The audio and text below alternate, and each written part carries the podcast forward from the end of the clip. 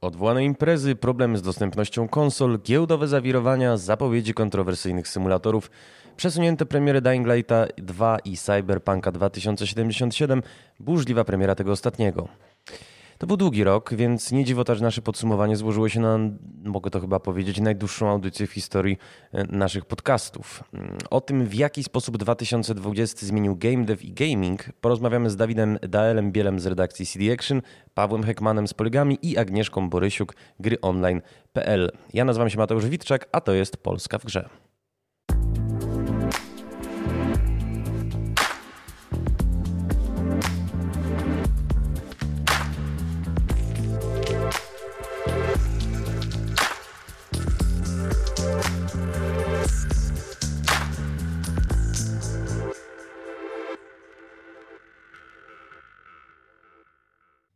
Łączymy się z pierwszym naszym dzisiaj gościem, Dawidem Bielem, Daelem z CD Action.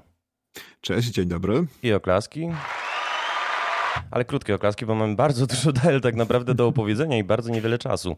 E, jak wszyscy już chyba zwrócili uwagę, rok 2020 się skończył, rok 2021 już pierwsze wydarzenia doniosłe przyniósł. Mam tutaj na myśli oczywiście sytuację e, w Stanach, którą teraz wszyscy przeżywamy.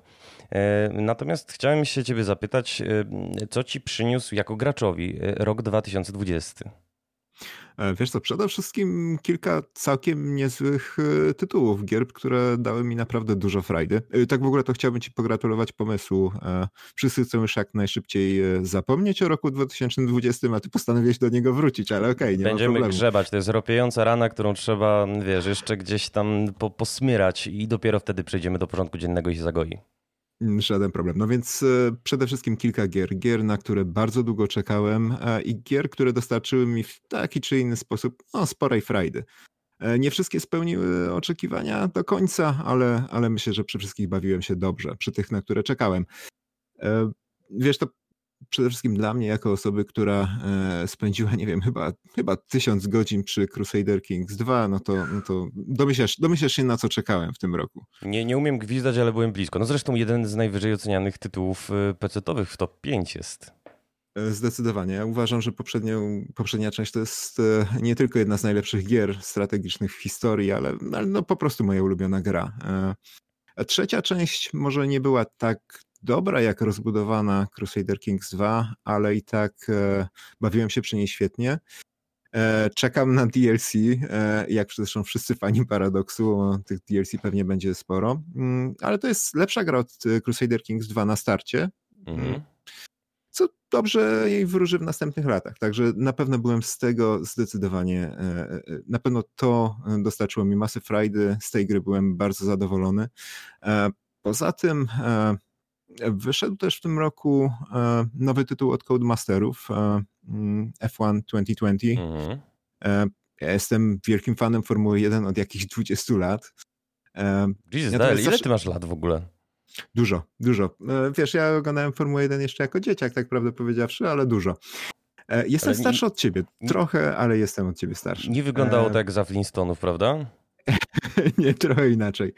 E, ten drugi tytuł, który to, to oczywiście jest e, F1 2020 od Codemasterów. E, spędziłem przy nich, no może nie tyle czasu, co przy Crusader Kings 3, ale to też była naprawdę fajna, fajna ścigałka, taka, która znalazła się gdzieś pomiędzy symulatorem poważnym, a, a, a takimi grami arcade'owymi, ale znalazła taką własną tożsamość, znalazła własną niszę, dopracowała mechanikę i mimo, że do, co do poprzednich gier z tej serii no miałem mieszane odczucia, to, to ta część e, mi przypadła do gustu.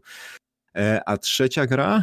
E, czekaj, czekaj, czekaj. Zanim jeszcze dojdziesz do trzeciej gry, to Jasne. ja cię, cię chciałem zapytać, ponieważ no, tytuł, nasz, nazwa naszego portalu zobowiązuje. Jaka jest w tym roku twoja ulubiona polska gra, przy czym dla utrudnienia nie można używać hasła cyberpunk? A wiesz, że do tego chciałem przejść, e, bo pomimo wszystkich, pomimo wszystkich problemów, e, które mieliśmy, e, które ciągle mamy z Cyberpunkiem, to jest gra, która trochę mnie tak emocjonalnie potargała, z którą spędziłem w tej chwili Zarząd też Bo... emocjonalnie potargała. Tak, wszystkich potargała emocjonalnie i wiesz, i, i chyba nie można mieć wywa wyważonego stosunku do, do Cyberpunka z tego, co zauważyłem, bo można tylko e, hejtować e, albo można się rozpływać w zachwytach. Mnie gra się, ja jestem bliższy temu drugiemu stanowisku, nawiasem mówiąc, e, gra bardzo, naprawdę bardzo mi się podobała. E, mimo, że mm, co chwila miałem takie wrażenie, że ta gra nie powinna była jeszcze się ukazać, że mm, w kwietniu 2020, kiedy po raz pierwszy przekładano ten termin premiery, e, on naprawdę powinien zostać przełożony prawdopodobnie o rok. Tak jak, e, tak jak zresztą chyba mm, Bloodlines 2 w tym czasie, jeśli się nie mylę. przełożono oj, o rok. oj, to tak odnośnie do tego grzebania w ranie ropiejącej, to ci powiem, że właśnie trafiłeś na moją. No, nie wróży Bloodlinesom dobrze fakt, że się Mitsoda wycofał z projektu. Nie wróży też to, co żeśmy widzieli, no bo nie wiem na ile śledzisz ten projekt, ale przecież to, co pokazywali na targach, jasne, że gdzieś tam się wpisuje w ten zaktualizowany setting świata mroku. Natomiast wyglądało to jakoś tak nie dzisiejszo, w drewniany sposób, co mógłbym wybaczyć. No Bloodlines pierwsze było, no powiedzieć, że było dalekie od maestrii technologicznej, to nic nie powiedzieć. Natomiast y, potrafiło to nagrodzić no naprawdę bardzo taką bezkompromisową kreacją świata, w której miałeś y, i anarchię, i punk, i jakieś motywy BDSM-owe, a wszystko to wbrew pozorom w guście. Zrobione z gustem, dobrze zrobione. Mm. Natomiast nad Bloodlinesami się nie zatrzymujmy, y, ponieważ panie kolego chciałem zapytać o ulubioną polską e, grę nie będącą cyberpunkiem. Jasne. No to chyba będzie Soldat 2, bo to ta gra jeszcze wprawdzie nie wyszła, ona jest we wczesnym dostępie i jeśli się nie mylę, to ma mieć e, premierę no, lada miesiąc pewnie. E, natomiast to jest gra, która była dla mnie taką, takim nostalgicznym powrotem do przeszłości, bo bo pamiętam doskonale, jak grałem w pierwszą część jeszcze w kafejkach internetowych. Nie, nie wiem, czy wszyscy twoi słuchacze będą wiedzieli, co to jest kafejka internetowa. E, co, myślę, że mamy na tyle zróżnicowane grono, że mogą się zdarzyć ludzie, którzy nie pamiętają. Tak, no, pod, podobno można je jeszcze gdzieś w Polsce znaleźć, gdzieś między e, budkami telefonicznymi a saturatorami z wodą sodową. No, to jest taki e, relikt mm, końca lat 90., początku lat 2000, gdzie można było pójść i się podłączyć do internetu, połączyć się z szybkim internetem, e, co było doświadczeniem niesamowitym jak na owe czasy, a można też było grać w sieci, bo e, e, polanie tak zwanym. I soldat święcił tam triumfy bo to jest fantastyczna gra. To jest kapitalna strzelanka, która jest zainspirowana z jednej strony mm, Quake'iem, Doomem i typowymi grami deathmatchowymi, z drugiej strony Wormsami. E, to jest gra, przy której spędziłem dziesiątki godzin razem z kumplami. E, ona była niewymagająca sprzętowo, więc można było spokojnie właśnie odpalać ją na, ją na komputerach w kafejkach. E, I w momencie, kiedy odpaliłem jeszcze nie, ten, nie tą wersję z wczesnego dostępu, tylko jeszcze wersję e, demonstracyjną Soldata 2.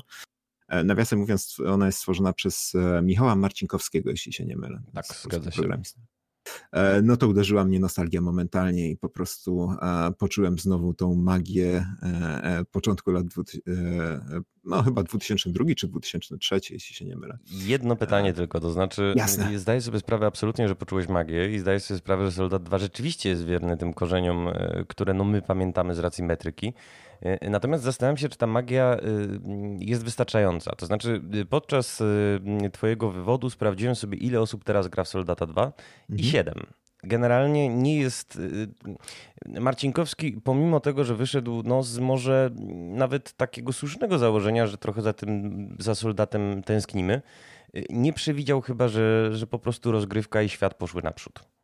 Tak jest. E, wie, wiesz co, to, to, wydaje mi się, że ta gra w założeniach miała być niszowa, że on chyba nigdy nie liczył na wielki sukces komercyjny, raczej na dokładnie to, co stało się z Soldatem Pierwszym, czyli na zbudowanie małej, ale wiernej, oddanej społeczności, która będzie grała przez e, 10 czy 20 lat w tą pierwszą część gry. Także e, jeśli liczy na sukces komercyjny, to nie, nie, nie, nie, nie go. Natomiast e, dla mnie ta gra na pewno jest bardzo ważna i, i, i mnie dostarczy masy przyjemności. No i fajnie, że się pojawiła. Natomiast y, musimy przejść, obawiam się, do drugiej części naszego spotkania. Naszym słuchaczom wyjaśnię, że y, no, będzie się odbywać ta audycja w sposób nietypowy. To znaczy, zgromadziłem sobie na bazie naszych publikacji polsko-gamedevowych y, newsy najistotniejsze z podziałem na różne miesiące i pozwolę sobie przeczytać, co się działo w poszczególnych miesiącach, a później z kolegą Y, kolegą Daelem Weldawidem y, omówimy sobie te wątki naszym zdaniem najciekawsze.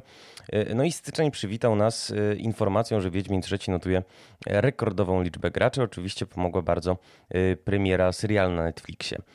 Chwilę później dowiedzieliśmy się, że Dying Light 2 jest przesunięty no, właściwie nie wiadomo na kiedy. Dalej zresztą nie wiemy. Ostatnio, mm, tak wracając do czasów teraźniejszych, Techland zapowiedział, że coś powie w 2021, co media ochoczo podchwyciły, co zresztą mnie na, do białej gorączki doprowadza, no bo no, triple, producenci AAA-ów muszą coś mówić o grach. To, że coś będą mówić nie z newsem. Ale przechodząc dalej.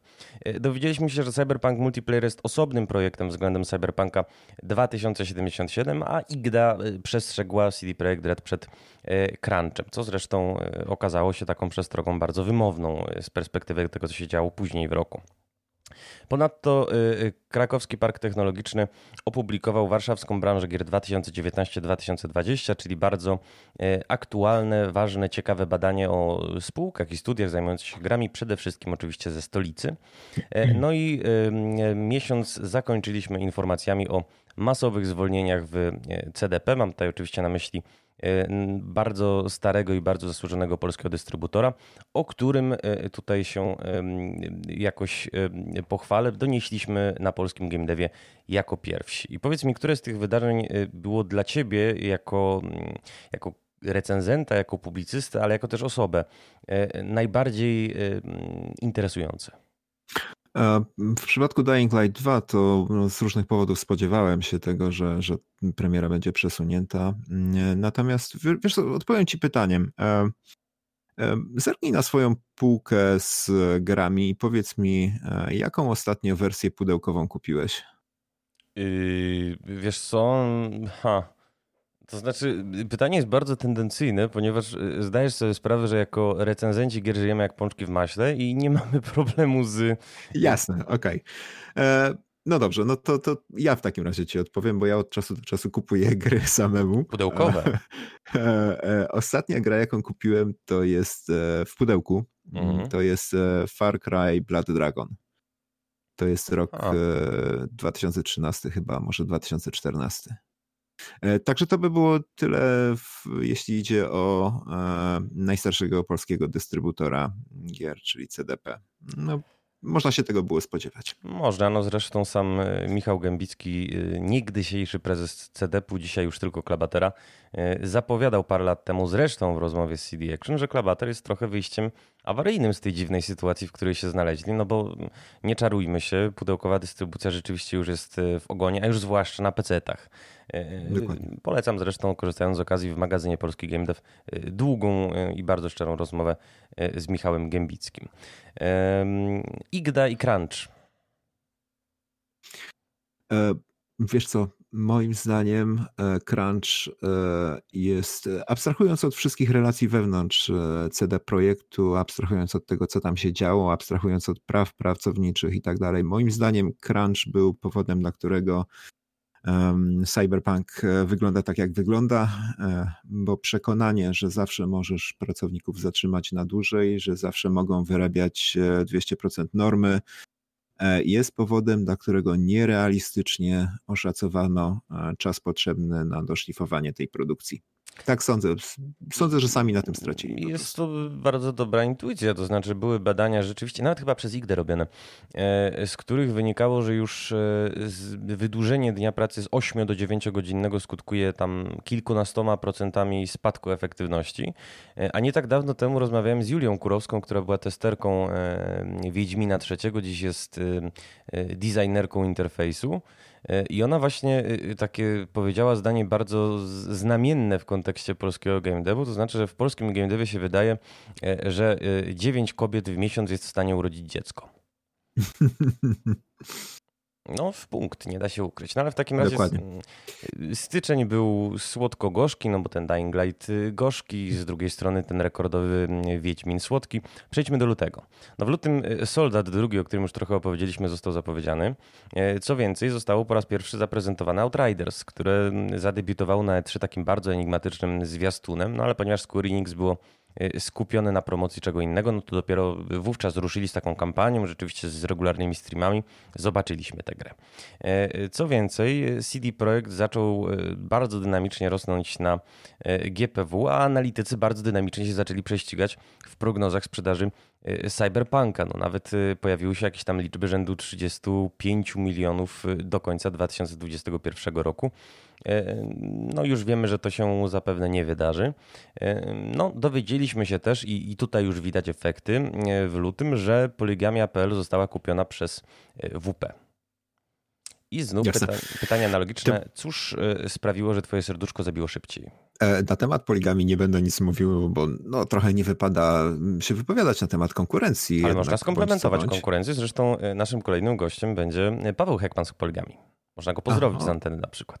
Okej, okay, nie, to życzę im wszystkiego dobrego na nowej drodze życia z WP i sądzę, że e, jak przekonały się inne, no nie serwisy, tylko pisma branżowe w tym roku, czasami zmiana właściciela wychodzi na plus zdecydowanie.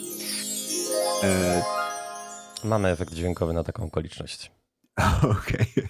E, co się tyczy e, CD Projektu na giełdzie papierów wartościowych, e, nie miałeś wrażenia już od samego początku, że nawet zakładając, że mm, Cyberpunk odniesie wielki sukces, że CD Projekt jest przeszacowany?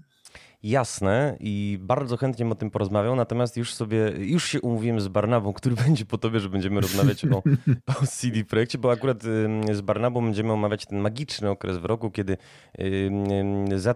zatrudniający tysiąc pracowników y, CD Projekt przeskoczył, jeżeli chodzi o kapitalizację, zatrudniający 16 tysięcy y, pracowników Ubisoft, który zresztą tak ma tych marek znacznie więcej. Tak, Ubisoft, który nawiasem mówiąc ma ile gier w portfolio? Tak chyba coś koło tysiąca. Na pewno więcej niż 500. Nie wiem, natomiast faktem jest, że rzeczywiście wydaje no tak powiedzmy 8 głośnych premier rocznie i to są marki własne i to są co więcej marki, do których mają no y, i, i, i studia, Pełne prawa. Tak, i, i, te studia są w stanie działać y, e, efektownie i efektywnie. No spójrz, co się dzieje chociażby z Assassinem czy z Far Cry'em.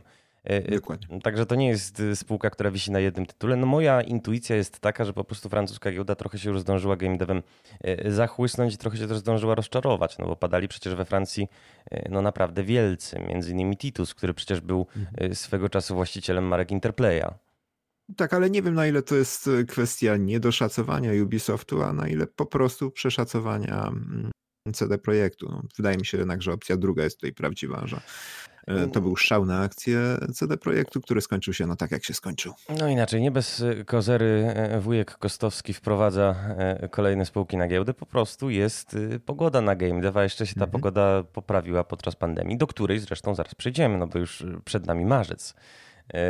No i właśnie wówczas y, w tymże marcu pandemia zaczęła y, odwoływać imprezy branżowe. Devowie też się zaczęli przenosić na pracę e, zdalną. Pierwszymi, pierwszymi ofiarami no, padły GDC. Powstał nawet specjalny fundusz, który miał e, pokryć straty niezależnych twórców i między innymi w tym funduszu udzielało się polski 11-bit Studios.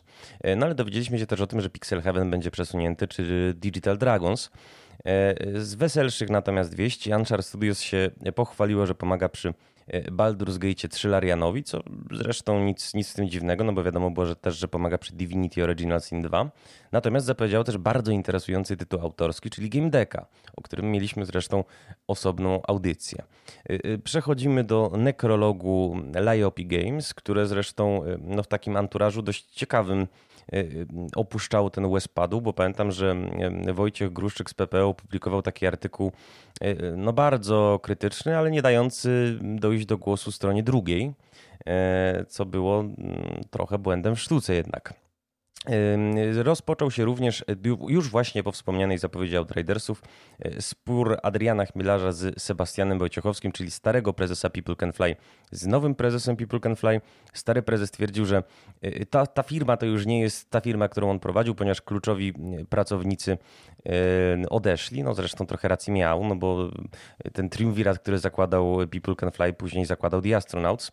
E, natomiast Wojciechowski mu odpowiadał, że oczywiście no, gro ludzi, którzy e, pracowali nad Bulletstormem, Gears of War Judgment czy nawet Painkillerem e, wciąż jest na miejscu. My jako polski game dev w pandemii wystartowaliśmy z akcją Zostań w domu, graj w gry. Rozdaliśmy tam, nie pamiętam, chyba 2,5 tysiąca kodów na polskie gry. No i równolegle z akcją Zostań w domu rób gry pod patronatem Ministerstwa Kultury i Dziedzictwa Narodowego produkt placement został niniejszym wypowiedziany.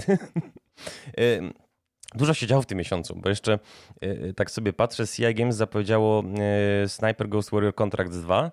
I na który nikt nie czeka. Na który nikt nie czeka. Chociaż, wiesz co, z drugiej strony ja pamiętam, że jak oni się chwalili zbytem e, tych pierwszych kontraktów, mm, to on co prawda nie był spektakularny, ale szybciej wyszli na swoje niż przy poprzednich, no bo cały ten deal, jaki zrobił prezes z ograniczeniem mocy przerobowych, ograniczeniem skali, no, skutkował tym, że po prostu wydali tytuł mniejszy, ale mm, taki, którym no, mogą sprzedać kilkaset egzemplarzy, mm, kilkaset tysięcy egzemplarzy i żyć jak pączki w maśle. Przy okazji się okay. dowiedzieliśmy, że jeszcze Lords of the Fallen 2 powstaje, bo no, to tak co pół roku mniej więcej CI Games wysyła jakąś prasówkę, że Lords of the Fallen 2 powstaje. I, i to jest gra, na którą akurat przypuszczam, że więcej osób czeka. E, Lords of the Fallen pierwsza część była dla mnie niesamowitą niespodzianką, e, bardzo miłą. E, nie spodziewałem się tego po CI Games, także życzyłbym, żeby mieli do pokazania, życzyłbym sobie, żeby mieli do pokazania coś więcej niż tylko informacje, że pracują nad,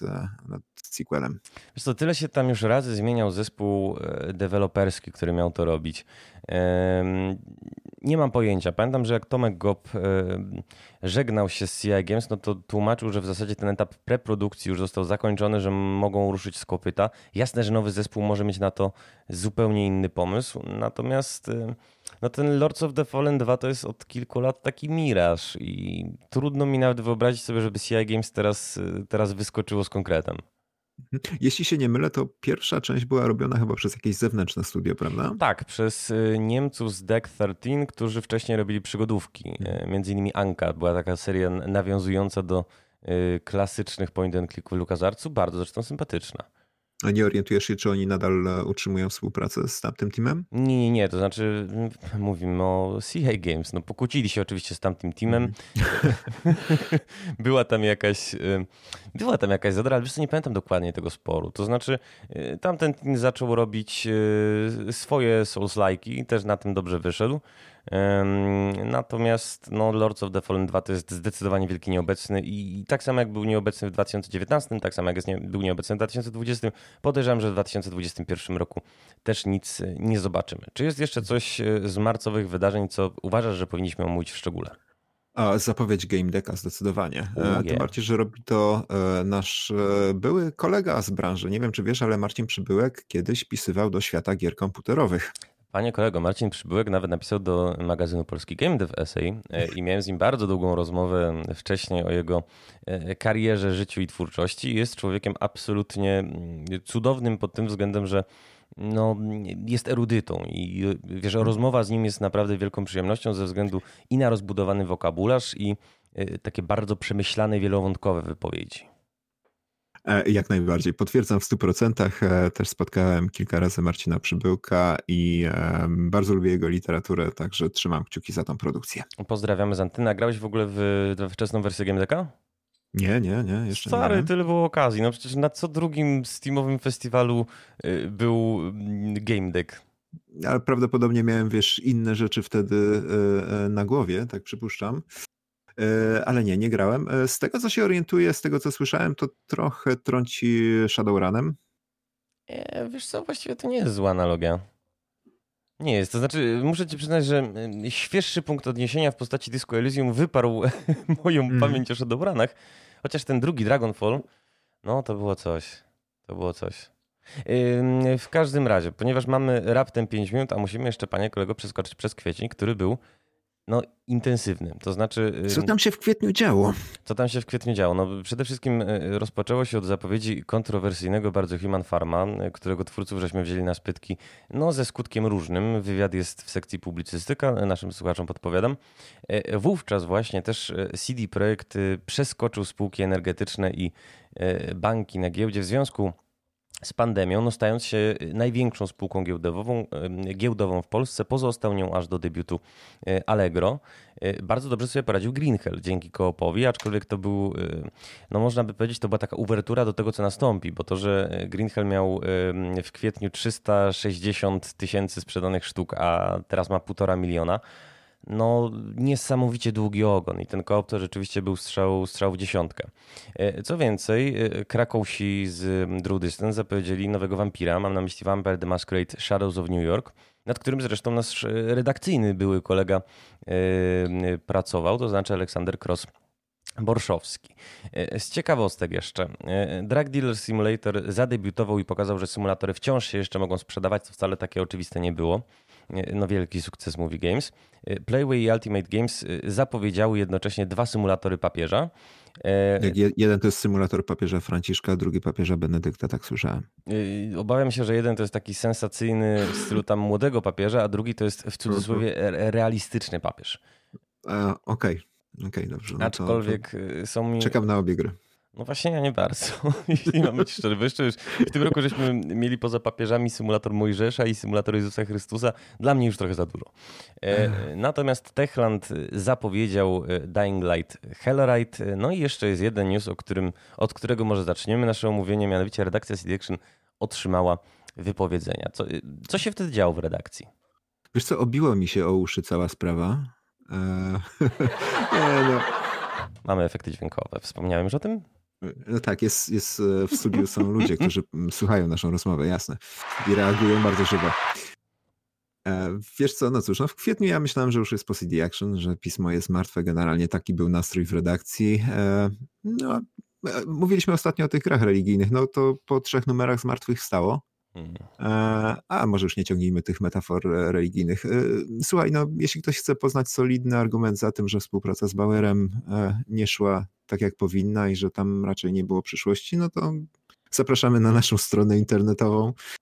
E, nie, ze względu na to, że tam jest jakiś tekst opublikowany, tylko po prostu można spojrzeć, jak ona wygląda. To jest strona internetowa, nie wiem, z którego 2005 zdaje się. Tak. A powiedz mi, kiedy będzie nowa strona? Bo ja właśnie tak e, wyczekuję trochę, kibicuję i się już doczekać nie mogę nowego layoutu. Praca w re. E, mogę ci powiedzieć tyle. Prace koncepcyjne, że tak powiem, skończyły się już dawno temu. Mieliśmy całkiem sporo fajnych pomysłów. Zobaczymy, czy wszystko się uda wprowadzić e, rychło, ale myślę, że wiesz, no ja, ja, ja, ja też nie wiem, bo nie, nie pracuję bezpośrednio przy tym, natomiast e, no, lada miesiąc coś się powinno ruszyć. Inaczej, na pewno w tym półroczu, może w tym kwartale. Zobaczmy. Urocze kwartał dobrze będziemy w takim razie e, śledzić, a na zakończenie właściwie naszej rozmowy chciałem jeden efekt dźwiękowy specjalnie dla wydawnictwa e, Bauer przygotowany zapuścić. To też w kontekście udanej zbiórki kickstar- nie kickstarterowej, tylko crowdfundingowej, której nawiasem mówiąc e, gratuluję. Moim i Państwa gościem był Dawid Biel, znany również jako Dael z redakcji CD Action. Dzięki wielkie za zaproszenie, było mi bardzo miło. I oklaski oczywiście. Trzymaj się ciepło i mam nadzieję do szybkiego zobaczenia, usłyszenia. Być może y, w tym roku, w którym pokonamy pandemię i wreszcie będziemy się mogli też spotkać na jakichś wydarzeniach stacjonarnych. Jasne, byłoby bardzo miło.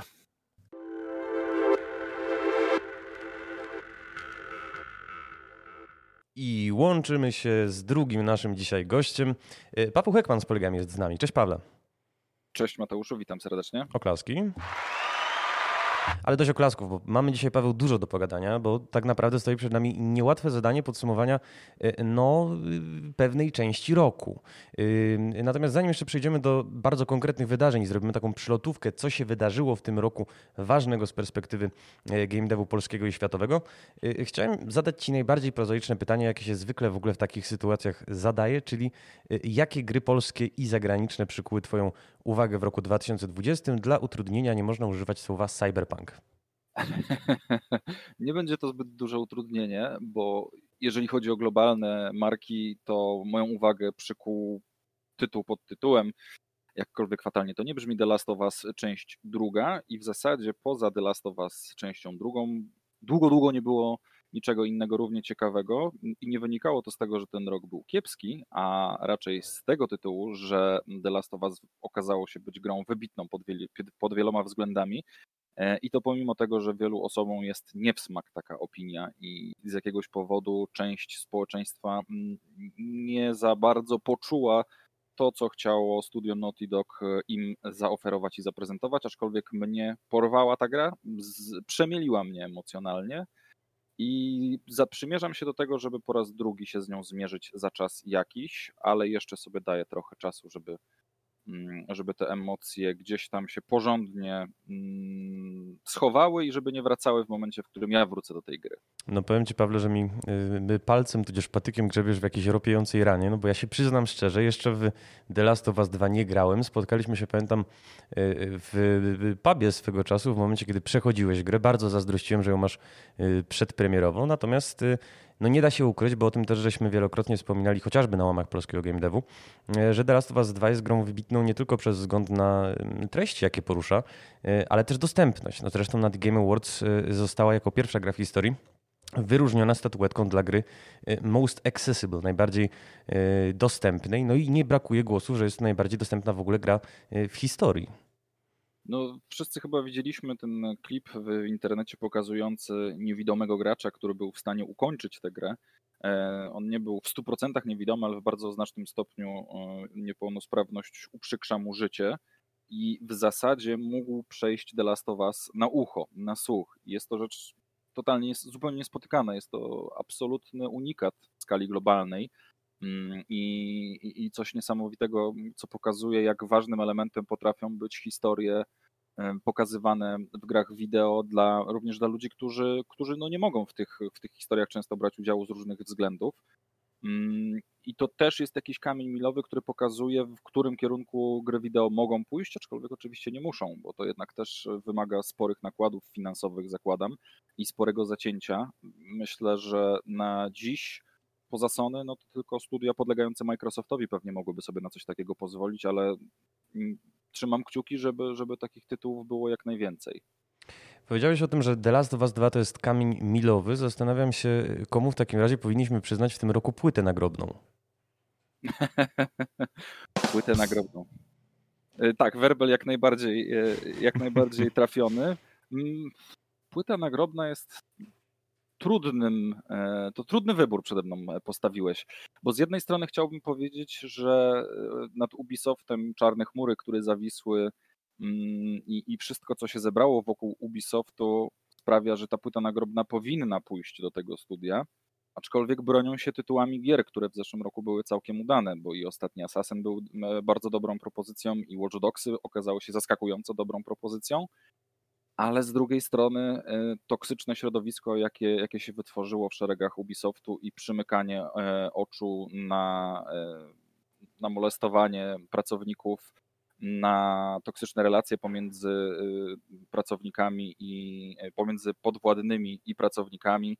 No, dużo złego działo się w Ubisoftie i wydaje mi się, że pomimo tego, że ich produkty się mm, bronią, to ta płyta nagrobna powinna pójść do Ubisoftu prezes Ubisoftu obiecuje mnóstwo różnych zmian, e, pokazuje, że nie boi się tych zmian, aczkolwiek wydaje mi się, że one są cały czas zbyt mało daleko idące. Tych zmian powinno być więcej, szybciej i tych głów chyba powinno polecieć troszeczkę, troszeczkę więcej z Ubisoftu niż mm. finalnie poleciało. No, chociaż też bezprecedensowa sytuacja, no bo rzeczywiście ważni pracownicy się z miejscami e, no, przez długie lata okupowanymi Y, pożegnali. Ja tylko dopowiem ze swojej strony, że Assassin najnowszy to jest w tym momencie czwarta najwyżej oceniana gra na PS5 i piąta, nie, przepraszam najmocniej, piąta najwyżej na PS5, czwarta na Xbox Series X.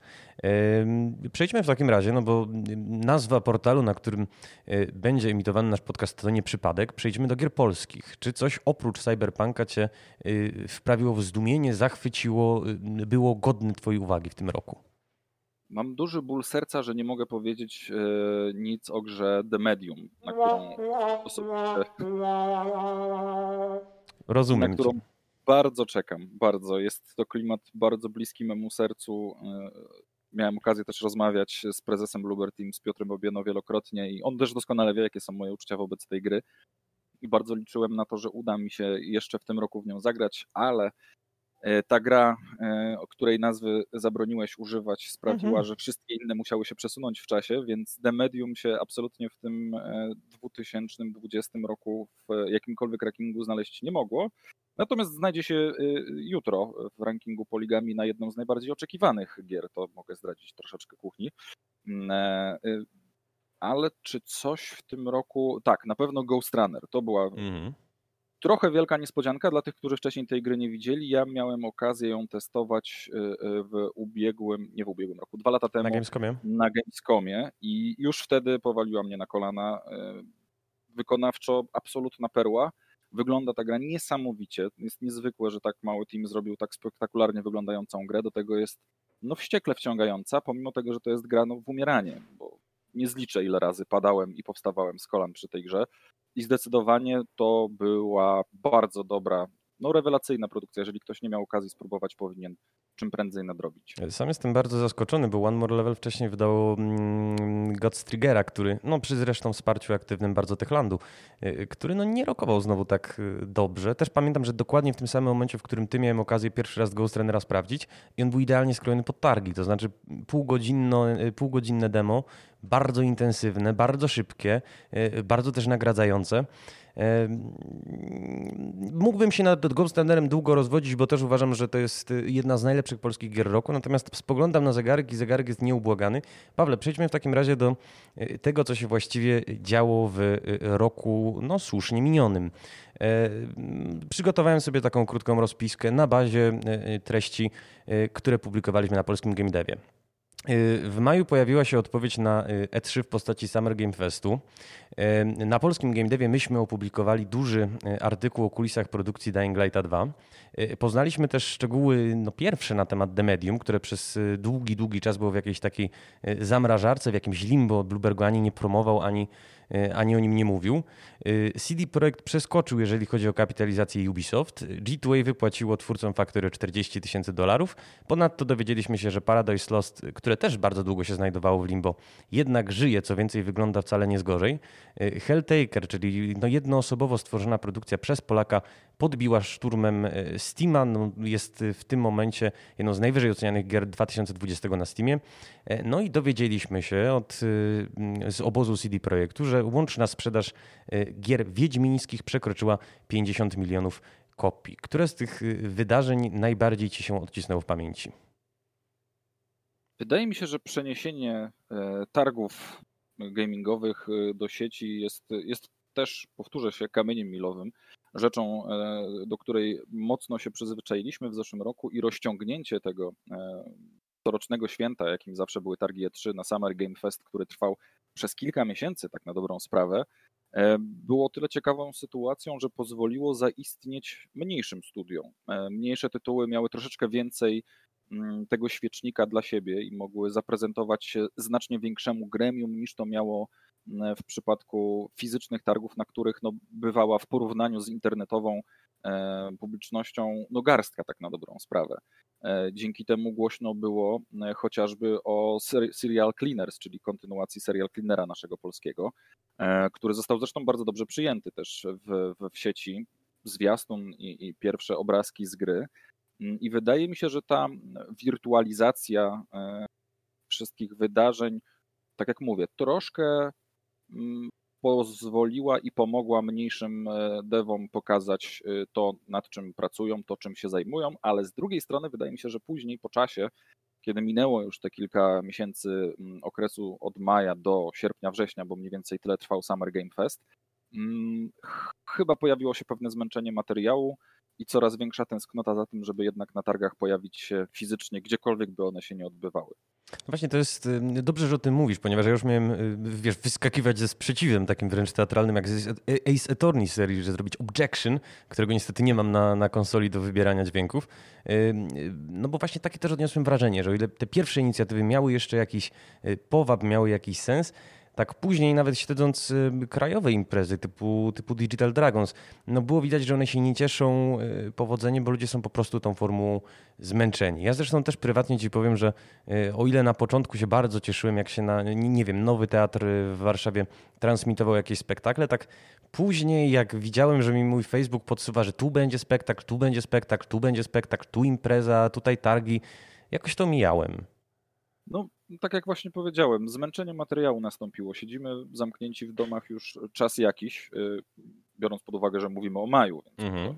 niecałe pół roku kilka miesięcy raptem, ale już dało się odczuć to zmęczenie. E, no i chyba ten brak drugiego człowieka, z którym zawsze można było się spotkać, porozmawiać przy okazji, czy to w spektaklu, oczywiście przed spektaklem, nie w trakcie, broń Boże, mhm. E, czy to w trakcie koncertu, czy jakichś targów e, gamingowych, branżowych, czy jakichkolwiek innych wydarzeń, które na których mogliśmy się spotykać i, i, i to dawało sobie znać. To zresztą też E, o tym też mówią sami organizatorzy, którzy wiedzą, że muszą zrobić te, zorganizować takie imprezy, bo jest wiele rzeczy, o których trzeba powiedzieć, które trzeba pokazać, a taka platforma, jak wirtualne wydarzenie, jest najodpowiedniejszą w tych czasach, ale też chcieliby po prostu czasami się spotkać, porozmawiać w cztery oczy. To też trochę inaczej e, taka rozmowa zawsze wygląda niż e, jak rozmawiamy na odległość i też nie mogą się doczekać tego, kiedy będą mogli się spotkać z nami, z dziennikarzami, z graczami, czy z kimkolwiek innym. Więc myślę, że ta bliskość y, to jest coś, y, brak tej bliskości będzie się pogłębiał i zastanawiam się, jak to będzie wyglądało w 2021. Czy, czy będziemy mieli znów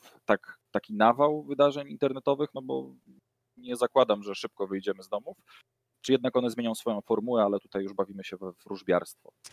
No jeszcze pamiętam, że Daniel Achmat bodaj przewidywał, że E3 z racji też tego, że się spora część wydawców wycofywała z targów i tworzyła jakieś alternatywne imprezy, alternatywne, alternatywne streamy, może już nie wrócić. Natomiast no faktycznie nie bądźmy profetykami. Myślę, że y, znajdzie się na to zresztą inna audycja, żeby wróżyć jak długotermin, jakie długoterminowe skutki dla game devu i dla graczy pandemia przyniosła. Natomiast chciałbym odbić y, w trochę inną stronę, jeżeli chodzi jeszcze o ten maj nieszczęsny.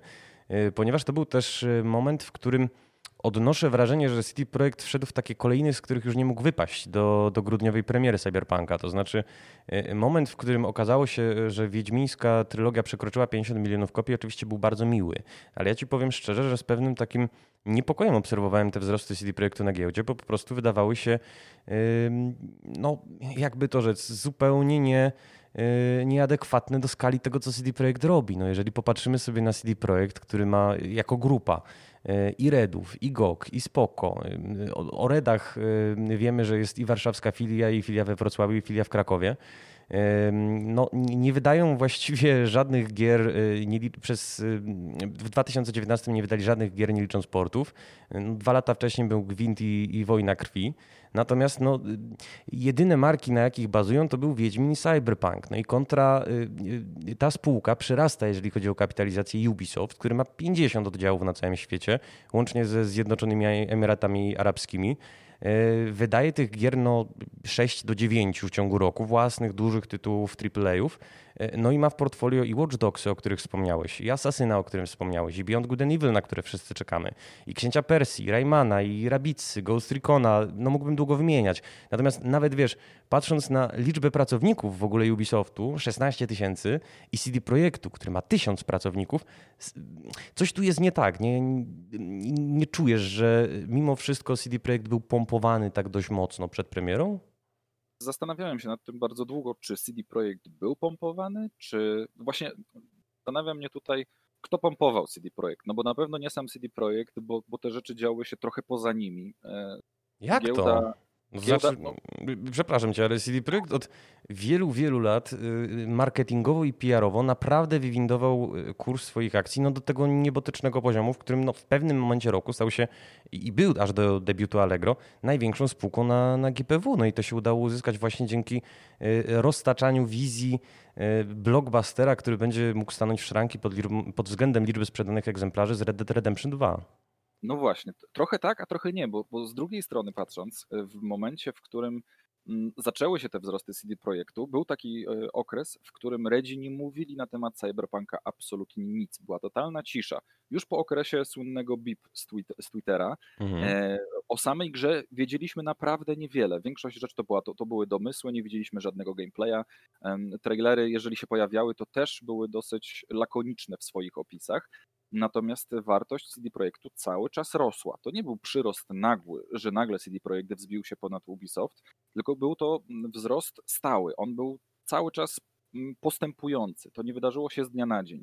I trochę ta bańka została nadmuchana no przykro mi to powiedzieć, ale trochę przez nas dziennikarzy na pewno, bo pisaliśmy o wszystkim, o, o czym cokolwiek się działo wokół Redów, każdy y, portal gamingowy, technologiczny pisał o Redach, już nie tylko nawet gamingowy czy technologiczny, bo to już dawno wykroczyło poza, poza tylko naszą branżę, e, e, a także mainstream bardzo mocno interesował się tym, co się dzieje w Redach. To napędzało z kolei zainteresowanie mm, samą spółką, a że jest to spółka na giełdzie, spółka bardzo wysoko notowana, no to nagle pojawili się, to są troszeczkę, to są już odrobinę moje spekulacje, ale pojawiły się osoby, które stwierdziły, może da się na tym ubić jakiś interes, więc zaczęli kupować akcje. No i w ten sposób doszliśmy do takiego punktu, do jakiego doszliśmy i nie obwiniałbym w 100% CD Projektu za to, że bańka w ogóle powstała jakakolwiek, bo tą bańkę, tak jak mówię, powtórzę się, trochę pompowali dziennikarze, trochę pompowała społeczność, a trochę ona pompowała się samoistnie, bo zauważ, że konkurencja, inni twórcy, nie mówię o polskich, bo, bo, bo trzeba raczej porównywać Cyberpunka właśnie z wydawnictwami chociażby z Ubisoftu czy, czy, czy z innych dużych firm, też nie pokazali nic, co mogłoby zagrozić e, pozycji CD Projektu. Więc tutaj złożyło się bardzo wiele różnych czynników, o których, które rozłożymy pewnie na czynniki pierwsze dopiero, dopiero myślę za parę ładnych lat, kiedy nabierzemy trochę dystansu do tej całej sytuacji i kiedy ona stanie się troszeczkę bardziej czytelna, bo na razie dla mnie to jest, to jest jedna wielka enigma, dlaczego doszło do takiego, do takiego momentu. No, aczkolwiek no, fi, finał wszyscy znamy. Okazało się, że giełda na pstrym koniu je, jeździ, no i tyle. Jakkolwiek bardzo chciałbym jeszcze poruszyć temat cyberpunka, musimy iść dalej. Podejrzewam, że e, z Agnieszką Borysiuk, z którą e, omawiamy gorącą końcówkę roku, będzie, będzie trochę więcej okazji.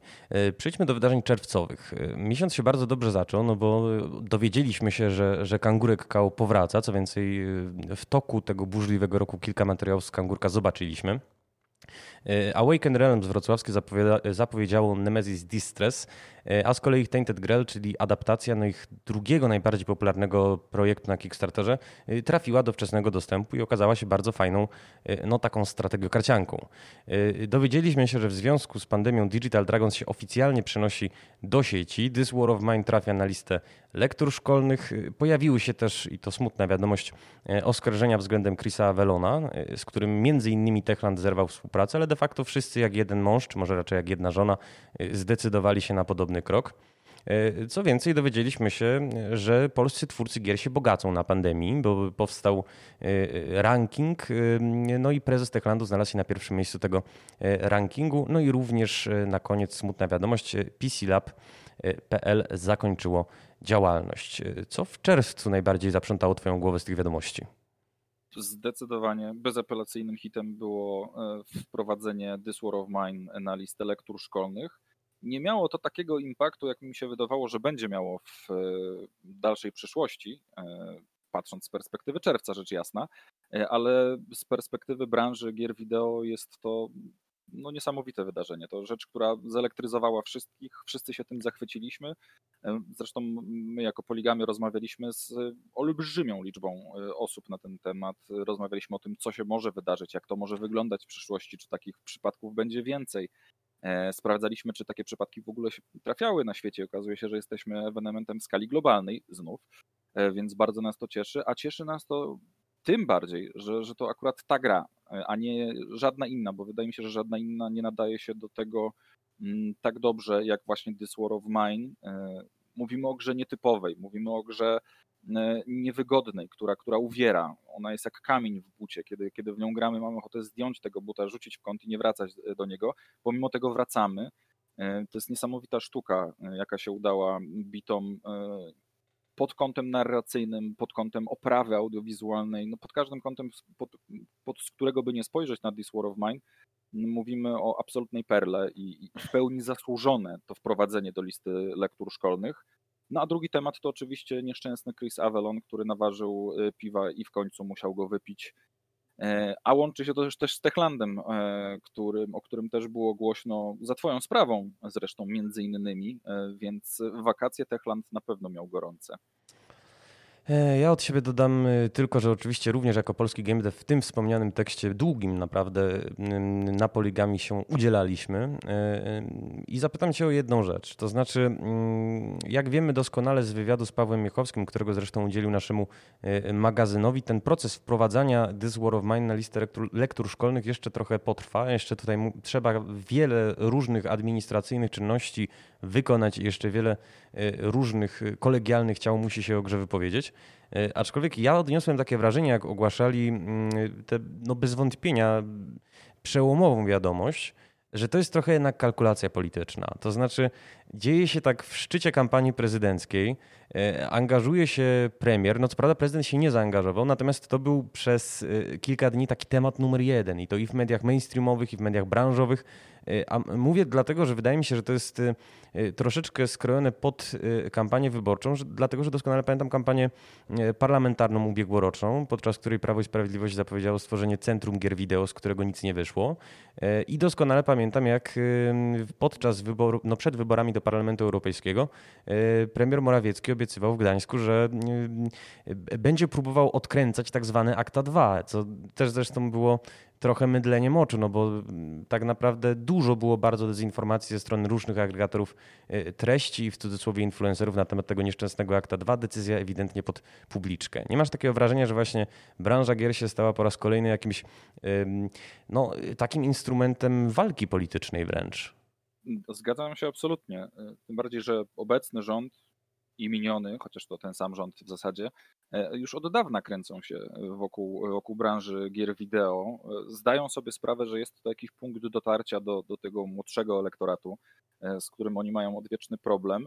Mm, I, i faktycznie miałem okazję widzieć premiera i na mm, AIM-ie w Katowicach, już teraz nie przypomnę sobie w którym dokładnie roku, ale chyba w 2018. Miałem okazję widzieć premiera podczas Poznań Game Arena E, potem widzieliśmy premiera, który gra w This War of Mine i wprowadza właśnie grę na listę lektur szkolnych i jest dla mnie jasnym, że jest to e, swego rodzaju wykorzystanie sytuacji przez rząd. Natomiast wydaje mi się, że no, trzeba korzystać z takich okazji. Tutaj mówię o, branży gier wideo. Jeżeli, jeżeli rząd e, chce się w jakiś sposób zaangażować w proces E, powstawania gier wideo. Mówię tutaj bardziej od, pod kątem legislacyjnym, jakiegoś wsparcia dla twórców gier wideo, zwłaszcza tych mniejszych twórców e, czy mniejszych studiów, to ja jestem za. Jeżeli, jeżeli to ma być gdzieś tam cena za to, no to nie widzę w tym nic, e, w tym nic złego.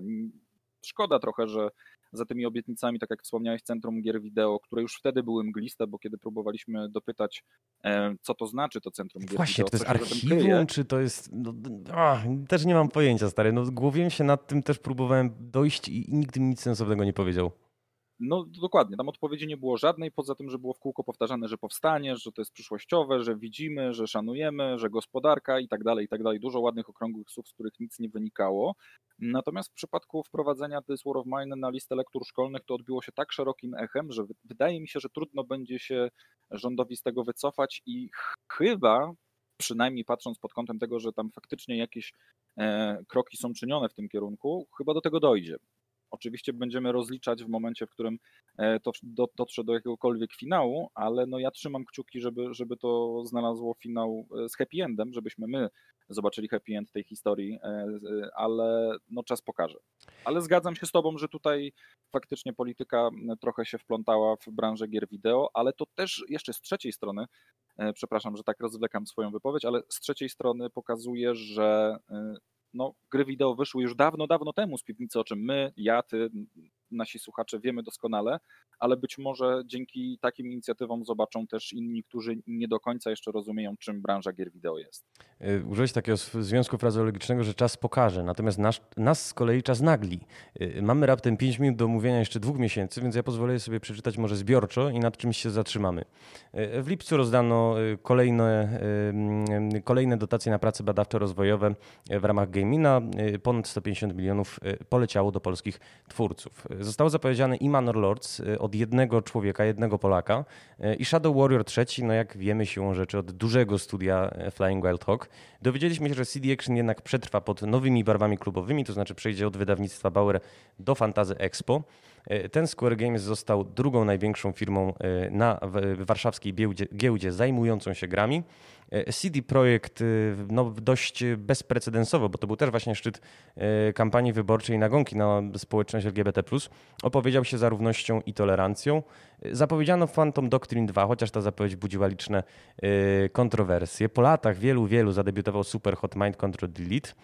Pojawił się również w internecie Hellish Quart i ten internet podbił i, i, i posiekał szablą. E, Werewolf the Apocalypse, czyli nowa gra e, Different Tales również została zapowiedziana, co więcej niedługo później została wydana. Dowiedzieliśmy się, że People Can Fly tworzy nie tylko Outridersów, e, no i pojawiła się słynna sprawa z mm, Tomem Cruzem, który wysadzi być może most z zaginięcia Itana Cartera. No i tyle na lipiec. Szybciutko w takim razie jedna rzecz lipcowa, jedna wiadomość lipcowa, która wywołała w tobie szybsze bicie serduszka. Y, muszę tutaj e, troszeczkę się powołać na, swoją, na swój patriotyzm lokalny, ponieważ ja pochodzę z okolic y, mostu, który Tom Cruise chciał wysadzić. Co więcej, w momencie, w którym e, cała ta akcja się zaczęła, pojechałem, żeby sprawdzić, jak ten most się miewa, bo ja go Widziałem pamiętam. artykuł. Cieszę się bardzo. Zachęcam do przeczytania tych, którzy nie, którzy nie widzieli. Wybrałem się ten most, żeby go zobaczyć, bo, bo znam go z lat e, dziecięcych i nastoletnich. No i to z perspektywy czasu to oczywiście bardziej Michałek niż jakaś ważna informacja, ale na tyle interesująca, że mogliśmy wrócić trochę do zaginięcia Idana Cartera, który jest świetną grą cały czas, bo włączyłem go sobie po latach i e, nadal potrafi wciągnąć i zainteresować. E, a przy okazji w ciekawy sposób wykorzystywał polskie krajobrazy. Ja wiem, że zdania są podzielone, czy te polskie krajobrazy powinny udawać amerykańską prowincję, czy nie. Ja uważam, że to nie jest jakaś wielka szkoda, ale oczywiście każdy swoją opinię mieć może, natomiast to jest ten news, który zdecydowanie wzburzył moją krew. No, elektryzował media zresztą nie tylko branżowe, bo pamiętam, że polityka też poświęciła przynajmniej jedną publikację temu nieszczęsnemu mostowi Pilchowickiemu. E, przejdźmy do sierpnia, bo naprawdę czas nas goni. E, zapowiedziano The Headsman, e, kontrowersyjny symulator kata. Zadebiutował też Dying Light Hellride, aczkolwiek zebrał oceny raczej kiepskie. Dowiedzieliśmy się, że Bluebird Team sposobi się do przejęcia albo przyłączenia, co uruchomiło kolejną lawinę spekulacji na temat e, domniemanego przejęcia przez Microsoft. E, miała miejsce premiera raportu The Game Industry of Poland 2020 autorstwu, autorstwa Parpu i Game Industry Conference. No w sumie możemy to chyba powiedzieć, że takiego najpełniejszego na ten moment źródła wiedzy o game devie w Polsce. Destructive Creation zapowiedziało Warmongrels, czyli w dużym uproszczeniu polską odpowiedź na komandosów. E, zadebiutował Shing, który jednak na listach sprzedaży bardzo szybko e, zatonął, no i ruszyła zbiórka crowdfundingowa na e, CD Action. I znów pytanie analogiczne, to znaczy, który z tych newsów wywołał na Twoich policzkach rumieńce? Próbuję, próbuję szybko przelecieć oczami pozostałe miesiące, bo wydaje mi się, że w każdym pojawiało się coś, coś o CD Action, więc chyba wypadałoby zatrzymać się na chwilę przy tym temacie, bo to rzecz bardzo y, ważna dla mnie prywatnie, dla, dla wielu miłośników gier wideo też na pewno, no bo ze świecą szukać osoby, która interesuje się grami wideo, nigdy CD Action w dłoni nie trzymała. To magazyn, który wychował całe pokolenia graczy więc y, ten start zbiórki, zbiórki crowdfundingowej i jej, jej późniejszy finał i, i to, gdzie dzisiaj jest magazyn, mm, tylko pokazuje na to, jaką moc ma internet, jaką moc ma społeczność y, związana z jakimś tytułem. I to też taka pokrzepiająca historia, których w 2020 roku było no niestety niewiele, e, więc zdecydowanie wskazałbym to, tym bardziej, że też dla mnie prywatnie CD Action zawsze było ważnym magazynem i nie wyobrażam sobie, żeby miał zniknąć y, z rynku, nie wyobrażam sobie w ogóle rynku gier wideo bez CD Action i bez PSX Extreme. To są dwa magazyny, które ja kupowałem, kupuję do dziś mhm. i, i chcę kupować jak najdłużej.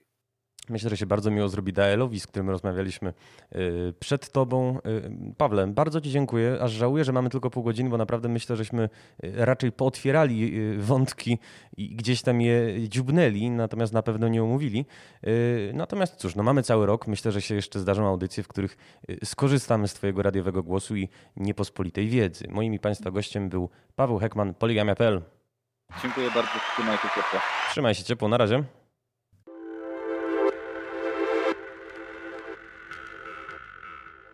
Łączymy się z ostatnią naszą gościnią dziś, czyli Agnieszką Borysiuk z Gry Online. Cześć Agnieszka. Ach, witam cię serdecznie.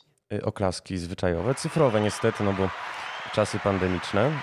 I krótkie, ponieważ mamy bardzo dużo, y, Aga, do omówienia. To znaczy... No cały 2020 z tego, co ja zrozumiałam. To tak no właściwie wiesz, to nie, bo z kolegami już żeśmy y, omówili dwie trzecie roku, także ten najgorętszy okres, ten y, naznaczony premierą Cyberpunka i różnymi perturbacjami, no zostawiłem dla ciebie, zostawiłem najlepsze na koniec. Och. Ale... Dobrze, dobrze, ale, ale chyba też o takich wyborach e, ogólnych, jeśli chodzi o ulubioną grę całego roku, to chyba o tym też wspomnimy, co będę mogła, będę mogła. I ja lubię mówić, wiesz, o Wiem, tym. Sam wiem. się, żeś, sam się, żeś, wiesz, na tę minę, e, na tę minę położył, postawił, także sorry. Agnieszka, możemy nawet o wyborach parlamentarnych powiedzieć, aczkolwiek y, faktem jest, że powinniśmy zacząć od tego, co cię najbardziej w 2020 zaskoczyło in plus. Zaskoczyło in plus. A to ciekawe pytanie, bo byłam pewna i chyba tak też e, wszyscy jesteśmy trochę nastawieni, żeby mówiąc o 2020 narzekać, co? Mhm. Szukajmy pozytywów. Troszkę, troszkę tak. Kurczę, powiem Ci, że pozytywnie. Ten rok był strasznym rozczarowaniem w bardzo wielu aspektach, ale by- być może moi koledzy o tym nie mówili. Dla mnie dużym zaskoczeniem było to, jak na przykład taka piękna gra jak Call of Duty Warzone, proszę Ciebie, zawojowała moje serduszko, bo troszkę też tak staram się oddzielić e, rzeczy obiektywnie pozytywne od tego, co dla mnie personalnie było bardzo pozytywne w 2020, a w 2020 roku przypomniałam sobie, że gaming to jest także mocny aspekt społeczny. I e, granie w multiplayer wszelakiej maści w drużynie, z którą gdzieś tam codziennie się słyszysz, może nie zastępuje tych wszystkich kontaktów społecznych, które ten e, niemiły rok nam no, no nie zapewnił ich za wiele. Było w zasadzie kilka miesięcy, kiedy mogliśmy gdzieś tam normalnie się spotykać z ludźmi. Mm, I troszkę z tymi ludźmi spotykałam się na serwerze, powiem Ci zupełnie szczerze. Zaczęłam grać w WoWa i pod tym kątem e, akurat gamingowo ten rok był bardzo przychylny. A łyknąłeś były. Among Us? Przytulały mnie, powiem Ci. Among Us, Among Us i Fall Guys to były dla mnie w ogóle takie dziwne zabawy. Dobrze, faktycznie, masz rację, to, ale też w aspekcie społecznym, mówiąc o takich grach, trzeba, trzeba rozmawiać. Tak, to było bardzo duże zaskoczenie. Okej, żeś mi podpowiedział.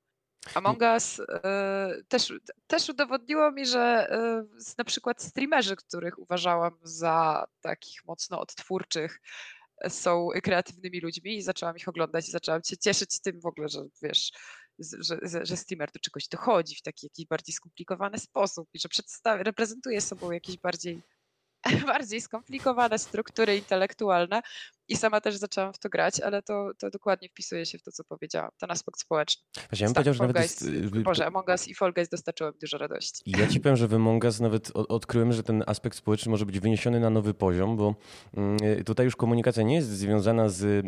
To, to nie są ani z jednej strony plotki, ani jakieś takie polecenia związane z tym, co czynimy w grze, y, tylko no jakieś takie piętrowe, bardzo makiaweliczne konstrukcje. Ty się starasz, y, wiesz, stworzyć jakiś scenariusz, w którym absolutnie wszystkich uda ci się wpuścić w maliny. Jest to dla mnie tak niesamowicie satysfakcjonujące.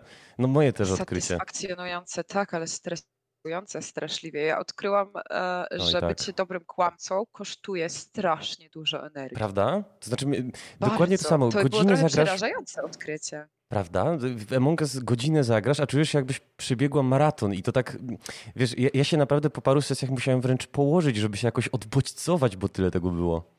Tak, ja y, czułam takie zmęczenie psychiczne, wiesz, bo e, można grać w Among Us w taki sposób bardzo nieangażujący, biegać sobie jako nie impostor, jako wiesz, gdzieś tam crewmate po tej mapie i robić zadania, zginiesz to zginiesz, ale jak się angażujesz w tę grę tak naprawdę na Mhm. 100%, to nie da się wyjść z rozgrywki niezmęczonym.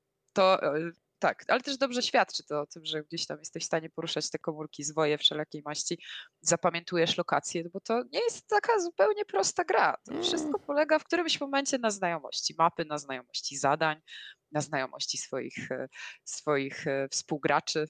No i reguł, bo musisz też y, bardzo często sprokurować jakiś scenariusz. w- No w momencie, kiedy jesteś impostorem i musisz stworzyć wiarygodną iluzję, że rzeczywiście przez ostatnich kilka minut byłaś członkiem załogi, który był produktywny i działał na korzyść statku. Znaczy, z tym scenariuszy to myślę, można napisać sobie e, wiele różnorakich. Ważne, żeby nie grać jednym utartym, bo Mhm. niestety szybko są w stanie cię przejrzeć. Przynajmniej te osoby, z którymi ja grałam.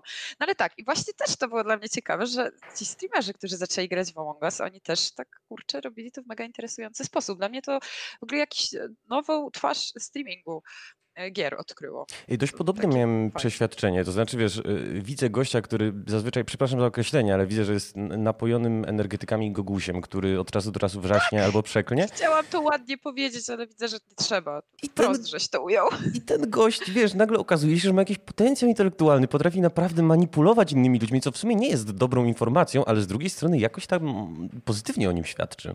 Nie no, świadczy o inteligencji. Mm. Ja wiem, że ty, i ty, ty, ty, ty również cenisz inteligencję Oj, bardzo. bardzo, ponad wszystko czasami myślę wręcz, więc, więc tak, dużo pozytywnych zaskoczeń w tym aspekcie też było. Y, a negatywne tak, tak, zaskoczenia, to znaczy nawet nie, nie, nie, skupiając się w takim razie na pandemii, y, przejdźmy do tego, co cię w 2020, jeżeli chodzi o szeroko pojęte gry wideo, y, no rozczarowało. Tak sobie myślę, że chyba taki topem, oprócz oczywiście klasyków, tak, czyli tego, co się stało z nową generacją konsol, brakiem dostępności, znaczy no, brakiem w ogóle konsol e, Sony w sklepach i, i całą dramą związaną z CDP, no z CDP-em niestety, to takim e, może mniej oczywistym e, smuteczkiem 2020 roku była burza związana z The Last of Us 2 i z wątkiem LGBT. Bardzo byłam tym wszystkim rozczarowana, tym co się działo, tym, że w ogóle ta dyskusja na tym Metacriticu została rozpoczęta i wiem, że to był początek roku, znaczy nie był to na pewno grudzień, e, listopad, październik, jakoś chyba wcześniej, prawda? To się, to się działo, mhm. ale, e, ale to było rozczarowanie niestety duże dla mnie. E, potwierdzenie tego, że ta nasza społeczność jest no, wiele odcieni, bym powiedziała. I również to zresztą pokazują ostatnie miesiące podczas rozmowy o e, grach, o kobietach w gaming. Mm. Co, to było tak. To było rozczarowanie. Nie wiem, czy się ze mną zgodzisz, ale y, ja uważam, że to taki była, był, był duży smuteczek. No. no. właśnie zastanawiam się, czy to na pewno jest długoterminowe rozczarowanie, bo y, jasne, że była burza w, na Metakrytyku, zresztą wprowadził później regulacje, które miały tak zwanemu review bombingowi przeciwdziałać. Natomiast czy długoterminowo nie jest to tak, że ten The Last of Us 2, który jest no w wielu zestawieniach grą roku w jakiś sposób przesuwa granice medium i w jakiś sposób przesuwa granice dyskursu. To znaczy, to już nie jest y, double A jak e, w przypadku Tell Me Why też tegorocznego, albo jakiś, jakaś interesująca, niezależna produkcja jak Found, która mówi o dorastaniu transpłciowej osoby na irlandzkiej prowincji w latach 90., tylko no mainstream, który podnosi te wątki, podnosi je umiejętnie, z wrażliwością, nie robi tego jak niegdyś y, BioWare przy okazji Dragon Age'a czy Mass Effecta Andromedy.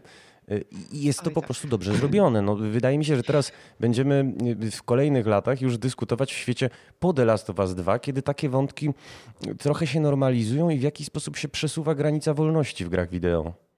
Tak, w ogóle to, że dyskusja e, się wywiązała, to super, ale ten początek i to, z jakiej fali hejtu ona wyrosła, to było dla mnie duże rozczarowanie, bo oczywiście, że to, gdzie, w którą stronę te dyskusje potem poszły, to, że The Last of Us wygrała całą masę nagród i to, że o tym się rozmawia i ta granica faktycznie, masz rację, została przesunięta, to rewelacyjna sprawa, ale niestety to wyszło z bardzo smutnej burzy hejtu i, i, i takiej, wiesz, szukania, szukania igły niestety z tego siana, moim zdaniem. To jakieś, jakieś straszne światopoglądowe e, e, rage działy się niestety w tych, tych wszystkich wątkach. No i e, to od czego się to zaczęło i to, że w taki sposób ta dyskusja się wywiązała, to mi się niestety bardzo nie podobało i było rozczarowaniem. A to do czego prowadzi, to już zupełnie inna sprawa. No miejmy nadzieję w takim razie, że w 2021 podobnych burz i, i rage'ów nie doświadczymy. Będzie już tylko no, tak, dyskusja... miłość, radość i znaczy, to niekoniecznie. Bo ja sobie, ja sobie na przykład zdaję sprawę doskonale z tego, że są y, gracze i są w ogóle y, Polacy, Europejczycy, obywatele świata, którzy nie zgadzają się na przykład z tą agendą tolerancyjną. Natomiast wydaje mi się, że jeżeli będziemy w stanie osiągnąć poziom, w którym nawet jeżeli się nie zgadzają, no to mówią, czy mówimy ze sobą jakimś eleganckim językiem, niewykluczającym, no to to będzie sukces, bo będziemy w stanie po prostu usiąść do stołu i operować tymi samymi pojęciami, a nie obrażać się wzajemnie. No mam nadzieję, chociaż ta dyskusja o, trwająca w tej chwili zresztą na bardzo wielu portalach właśnie o hejcie skierowanym w kobiety w grach e, różnorakich, bo to mm. zaczęło się od FPS-ów, ale myślę, że, że to nie jest tylko kwestia, kwestia CSGO czy kwestia innych tytułów tego typu, no ten poziom jest momentami dosyć niski, więc Ładny eufemizm. kropla drąży skałę, mam nadzieję. Otóż to. Tam są, y, y, tam są wojujący woje. E, Robią swoje, mam nadzieję. O, też to tak zarymuję. No dobrze, dobrze. Mam nadzieję, że ci wojujący woje z prawej strony z rachitycznymi wąsami, y, no po prostu kiedy już y, będą mogli zapuścić wąs bardziej sumiasty, y, będą też wartościowszymi członkami dyskusji, członkami naszej społeczności. Ale Aga, bo... Mam nadzieję, że nasi woje zwojują. Dobrze, już, ja, ja wiem, Znaczy, tutaj nie, nie, dygresji można ty- ze mną strasznie No dużo właśnie, bo ty e, jesteś robić. rozgadana i ja zdawałem sobie sprawę, że ta rozmowa będzie pewnym wyzwaniem. Natomiast ona ma pewną też strukturę. To znaczy, y, poza tym, że chciałem cię zapytać ogólnie o twoje wrażenia na temat tego y, wysoce problematycznego roku, no to chciałem też, y, mówiąc kolokwialnie, zrobić przelotkę przez najważniejsze wydarzenia roku, które jako wytrawny researcher sobie wpisałem oczywiście. Lećmy, lećmy. Lećmy. No to No końcówka roku, końcówka roku tak. No, Obfitowała. szczerze, była obfitowała, ale troszkę też była, oscylowała wokół jednego tematu. No nie ukrywajmy, że to wszystko, co się działo dookoła premiery e, Cyberpunka, znaczy poza premierą Cyberpunka w którymś momencie, no niestety, za- za, długo tam gdzieś na, e, na pierwszych stronach nie, nie wisiała, bo zaraz była informacja o przesunięciu, o crunchu. Zresztą Mhm. zaraz mam nadzieję o tym pogadamy.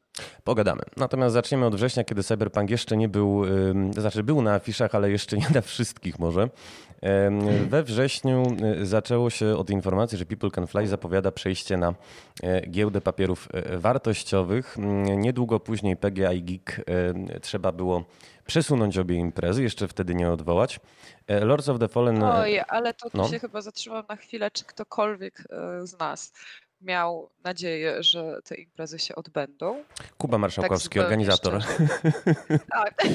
Znaczy, ja rozumiem, że organizatorzy jeszcze chwytali się gdzieś tam ostatnich brzytw, ale Mhm. no, Ale wiesz, nie, jak, jak, informacje o PGA chociażby, o tym przesuwaniu po raz kolejny, to myślę, że u nas w branży raczej spotkały się z takim, a, no nie wiem, Tylko wiesz co, z mam tego- nadzieję, ale nie. We wrześniu jeszcze świat jako tako wyglądał, to znaczy się odbywały konferencje, odbywały się imprezy.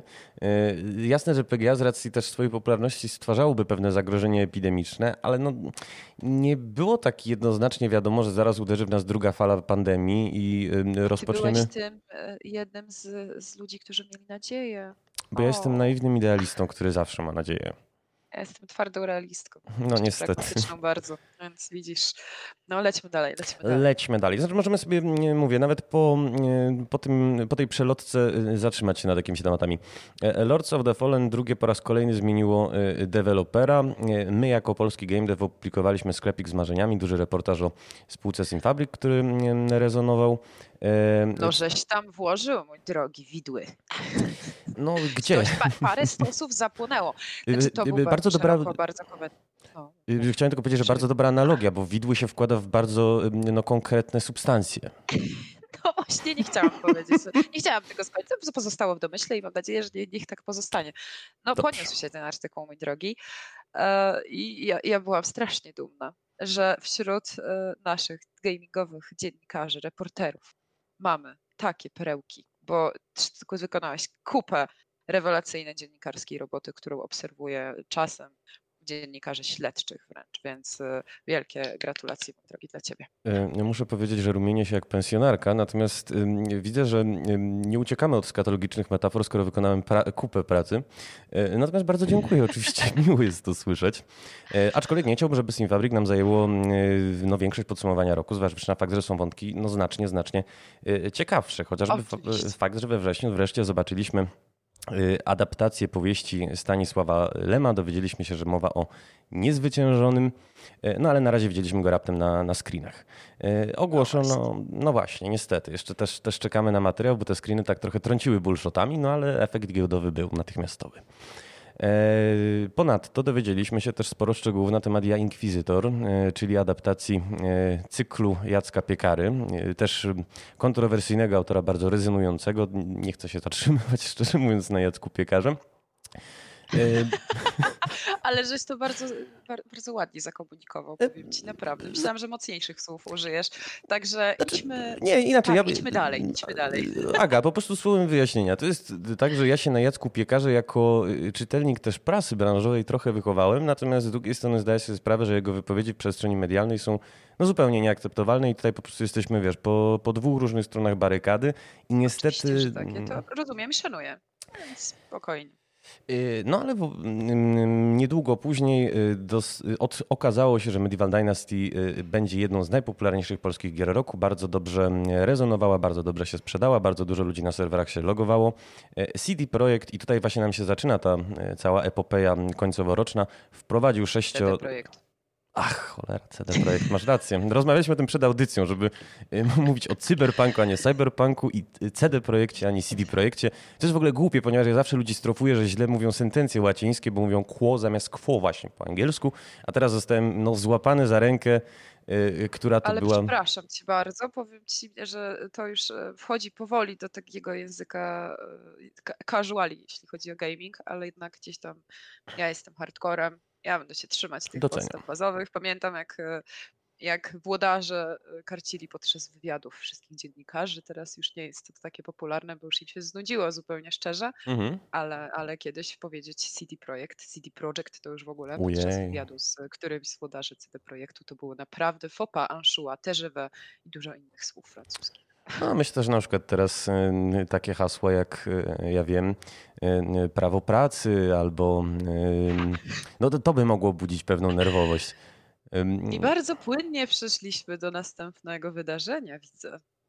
To znaczy? A jakie jest następne wydarzenie? Powiedziałeś o prawie pracy, a następnym wydarzeniem jest wprowadzenie sześciodniowego tygodnia pracy w CD. I, tak, tak, tak. To znaczy, tłumaczył to chyba Badowski, musiałbym sobie y, y, sięgnąć po link, że y, wyczerpali inne opcje i y, pomimo tego, że IGDA ich parę miesięcy wcześniej przestrzegała, zresztą bardzo słusznie podnosząc, że nawet y, y, wydłużenie tego dnia pracy z 8 do 9 godzin już skutkuje spadkiem y, produktywności na dłuższą metę, no zdecydowano się docisnąć pedał gazu i, i dojechać jakoś na tę metę.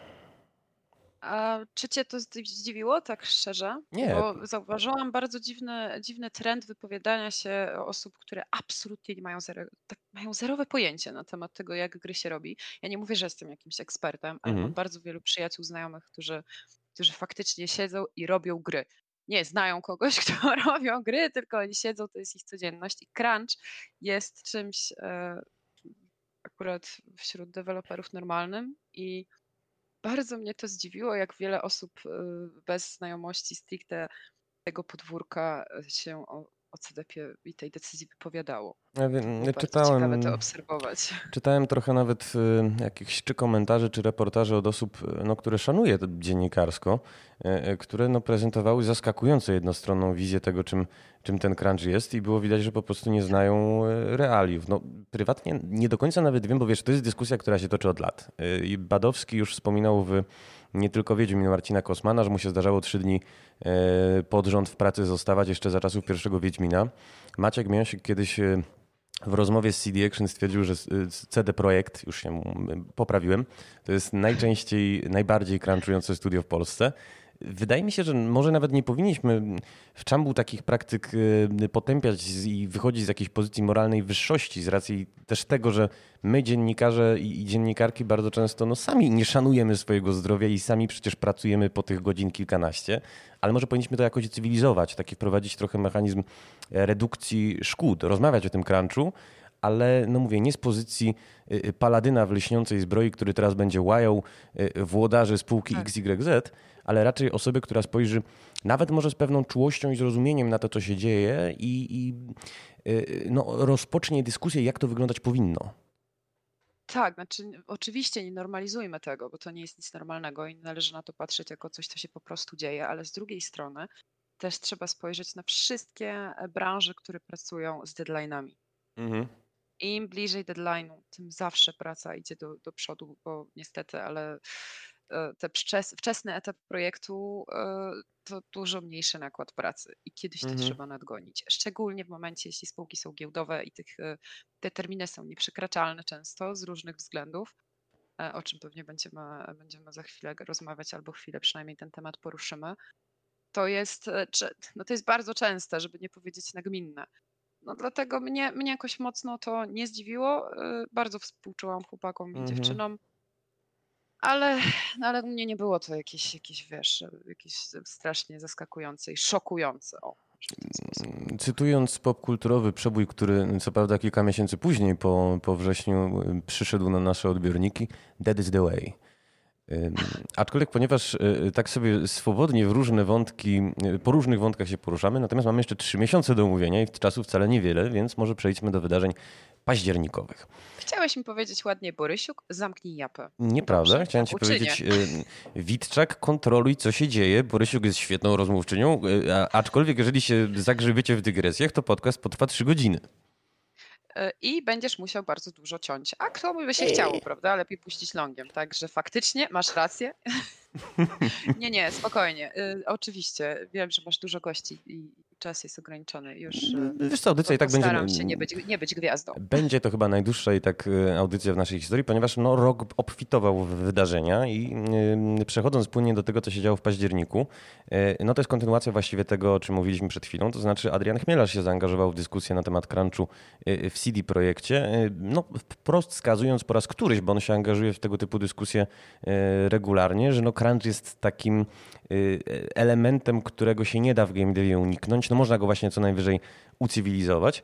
Natomiast y, wskazywał też y, na to, że y, właśnie to kierownictwo, które jest łajane, niekoniecznie odpowiada za wszystko, co się złego w CD Projekcie y, y, dzieje. Nieco później Kickstarter wystartował w Polsce y, zbiórką na Frostpunka, która to zresztą y, planszówkowego Frostpunka, który się ufundował w 54 minuty. Y, Dowiedzieliśmy się, że y, Game Deck został przesunięty na y, przyszły rok, no 2021. Tak samo jak PGA zresztą, no i gig, który ostatecznie odbył się w formule zapłać y, ile chcesz. Jeżeli chodzi o planszówki, no to próbowało się jeszcze wziąć, y, próbowało się jeszcze Galactus wziąć za ten segment rynku, no była to zbiórka nieudana, pr- przygotowywali y, adaptację Phantom Doctrine, przypomnę. Ponadto Klabater zapowiedział Amazing American Circus, które ma dopełnić no, ich historycznej trylogii zapoczątkowanej przez We The Revolution, której kontynuacją było Help Will Come Tomorrow. I co się jeszcze działo? E, Marta Żmuda-Trzebiatowska się zaangażowała w promocję Cyberpunka 2077 w szczycie strajku to kobiet. Były czas, dokładnie, to był czas strajków i tam e, generalnie nasz, mam nadzieję, że większość e, internetu bardzo mocno się zaangażowała i celebrytów i aktorów wszelakiej maści, więc dla mnie, dla mnie to było bardzo, to było faux pas. O, tak, tak. To było fopat. Znaczy ona jakoś próbowała z tego, pamiętam, wybrnąć, natomiast sam fakt, że jakby przechodzi płynnie, że jest y, trudny czas dla kobiet. ym, Natomiast nie wiem, czy wiecie, że gram w Cyberpunku. No po prostu ta- nitka łącząca te dwa wątki jest y, tak cieniutka, że no, naraziła się sama na, na, na kpiny, na szykany. Nie wiem, czy słuszne do końca, natomiast no, na pewno tak być y, nie było powinno. to faux pas, nie było to nic, e, wiesz, ona, to nie było takie wprost w żaden sposób obśmiewanie, nie wiem, no to było faktycznie pas, powinna przeprosić, powiedzieć, że nie powinna tego gdzieś tam linkować w jednym zdaniu, ale ona się jakoś chyba tylko pogrążyła tym drugim, tym drugim wpisem. I e, pas to jeszcze było z drugiej strony, dlatego że e, parę osób z CD Projektu pod tym zdjęciem wrzucało jakieś serduszka Mhm. gratulacje i uśmieszki. Więc wiesz, to takie trochę było moim zdaniem jednak nie. My, wcześniej to dostrzegliśmy niż osoby, które dostrzec to powinny po stronie CDP-u i gdzieś tam zainterweniować. No, no cóż. A nie masz takiego wrażenia, bo y, pamiętam, że śledziliśmy to na polskim game devie, że y, spora część polskich zespołów y, jakby opowiadała się po stronie strajku kobiet, ale tak bardzo zachowawczo. To znaczy nie wrzucała na swoje sociale żadnych y, emblematów czy żadnych przerobionych logotypów, natomiast pozwalała pracownikom y, robić to samemu, przygotowywała jakieś grafiki. To było takie wsparcie, ale na pół gwizdka trochę. Znaczy CDP, ja pamiętam, że bardzo późno wyszedł z. To chyba była Ciri z Tak, flagą. Nie, tak. to była Ciri z, z błyskawicą. Mhm. O, i to było bardzo późno, ale myślę, że y, powód był dosyć oczywisty, ponieważ burza chyba jeszcze w 2020 dosyć mocno się rozpętała przy okazji w- wsparcia e, ruchów e, LGBT wszelakiej maści, typu zmiana logo, zmiana dodatku Mhm. do logo, gdzieś tam, to się dużo się tego działo i faktycznie CDP w tym wziął udział i pamiętasz, co się co się wtedy rozpętało w internecie. Jak e, Pamiętam zmienił. i chciałem to docenić. To był początek roku. To był czerwiec. To był początek Właśnie nie, nie, nie, to było tak, Aga. Tak, jeszcze początek, to środek był roku. Czerwiec, pierwsza tura kampanii, pierwsza tura wyborów prezydenckich, kiedy rzeczywiście no to... społeczność LGBT była najbardziej odczłowieczana, pojawiały się te właśnie haniebne, bo tego się nie da inaczej tak, określić. Tak, to był czerwiec. Ja wyrzuciłam ten smutny etap chyba gdzieś tam z pamięci, bo to był dla mnie przerażający czas. Naprawdę I to było... nie pomogła do pandemicznej adze, bo obserwowanie tego, co się działo, było było dobijające wręcz. I chyba CDEP gdzieś tam, e, mając na uwadze to, jakie baty dostał od społeczności, bardzo zaangażowanej zresztą, mm. bo wiesz, że CDEP ma taki dosyć mocny fanbase, mm, może tak dlatego tak zachowawczy, bo tam było pewnie dużo debat, jak to zrobić w sposób elegancki. Było A na to pewno. jest taki trochę wyznacznik, nie? Taki trochę jest, więc jak CDEP się wstrzymywał, to może inni też trochę patrzyli na giganta i zastanawiali się, co zrobić. Takie, takie mam wrażenie, może błędne. Wiesz co, ja po prostu jestem y, w jakiś tam dziwny sposób bardzo pozytywnie zaskoczony tym, co się stało w czerwcu, kiedy nie tylko y, to logo zmieniono, wiesz, bo to nie był przypadkowy moment, to była połowa Pride Monthu, y, w momencie, w którym, no już naprawdę, kto miał zmienić swój logotyp, zmienił. E, widać było, że to się bezpośrednio odnosi do sytuacji społeczno-politycznej, a w dodatku Iwiński i Kiciński udzielili wywiadu. Oni oczywiście bardzo reglamentują swoją obecność w mediach, natomiast w się bardzo jednoznacznie opowiedzieli za e, różnorodnością i tolerancją. To był dla mnie najlepszy chyba ruch, e, ruch CD, CD projektu w 2020 był, ale y, i to też było bardzo smutne niestety, te reakcje graczy i to, co się działo w komentarzach, te wszystkie deklaracje, że już wyrzucam Wiedźmina, odchodzę, usuwam wszystkie moje powiązania z wami gdzieś tam połączone. No tragedia, to było strasznie smutne te komentarze były lajkowane i to wiesz, tysiącami łapek. Na szczęście sprawną no. mieli moderację. To, to właśnie pamiętam, że nawet gratulowałem tak. Radkowi, że y, było bagno przez 15 minut, po czym nie wiem, czy jedna, czy dwie, czy pięć osób y, przysiadło do tego i na bieżąco rzeczywiście kasowali te y, komentarze no wprost nawołujące do nienawiści, wulgarne. Zostały oczywiście opinie negatywne, ale to była no, kropla w morzu tego, co było jeszcze kwadrans wcześniej. Tak, tam było kilka takich w miarę kulturalnych wypowiedzi na temat takich raczej mm, głośno wypowiedzianych myśli, e, pytań, czy takie firmy, czysto rozrywkowe dla niektórych, powinny angażować się e, w sprawy społeczne, które wywołują kontrowersje, nie? czy to jest potrzebne. I te pytania, wiesz, tak, Agnieszka odpowie, są potrzebne, ale, ale ktoś inny może w kulturalny sposób odpowie, że niekoniecznie. No. Takie, ta, taką dyskusję niestety musimy uszanować. Ale jak ktoś obraża no i studio, i wszystkich w nim, i jeszcze dookoła 15 grup społecznych, to już zupełnie inna sprawa. Wróćmy jednak do października i do kolejnych wydarzeń, które się wydarzyły, zresztą również w kontekście y, cyberpunka. To znaczy został on przesunięty po raz trzeci, a y, Adam Kiciński oficjalnie przeprosił pracowników za bagatelizowanie y, crunchu. No i na deser tutaj również takie trochę, trochę kwestia polsko-gametewowa, bo rzeczywiście żeśmy się z Fabrykowi zaczęli przyglądać bardzo uważnie. Okazało się, że jego pierwsza gra Cthulhu Books of Ancients została przełożona po cichu, a studio w komentarzu, jaki uzyskaliśmy, obwieściło nam, że y, wszystkie daty premier na Steamie, na oficjalnej stronie i w raportach giełdowych nie są wiążące, a o nowych będą informować za pomocą... Y, Szczególnie w raportach giełdowych, to powinno się podkreślić. Raporty giełdowe, a komu to potrzebne? No, no nic, no takie studio, taka polityka. Bardzo szkoda swoją drogą, bo Emilus to jest naprawdę kawał fajnego gościa. No, no, no pozostawię to twojej ocenie. No dobra, może temat na inny podcast. Natomiast y, przejdźmy, bo y, już nas goni czas, przejdźmy do listopada. Pixel Heaven oficjalnie y, w cudzysłowie uciekło w online. The Medium się przesunęło też w kontekście premiery Cyberpunka na rok kolejny. Właśnie jesteśmy no, tuż przed premierą. E, e, Koch Media, właściwie Embracer kupił e, Hogusiów, kupił Hogów za pół miliarda. To jeden budynek, to decyzja z papierosa, już o tym rozmawialiśmy. No, no to prawda też. Carrion był jedyną polską grą, która dostała nominację w tym roku do The Game Awards, a zatem dostał nominację aż dwie. Eleven Bit Studios ogłosiło, że ma nowego prezesa, ale tak naprawdę no, osobę dobrze, dobrze myślę znaną. Co tam się jeszcze wydarzyło? Kangurek Kao dostał pierwszy fragment gameplayu.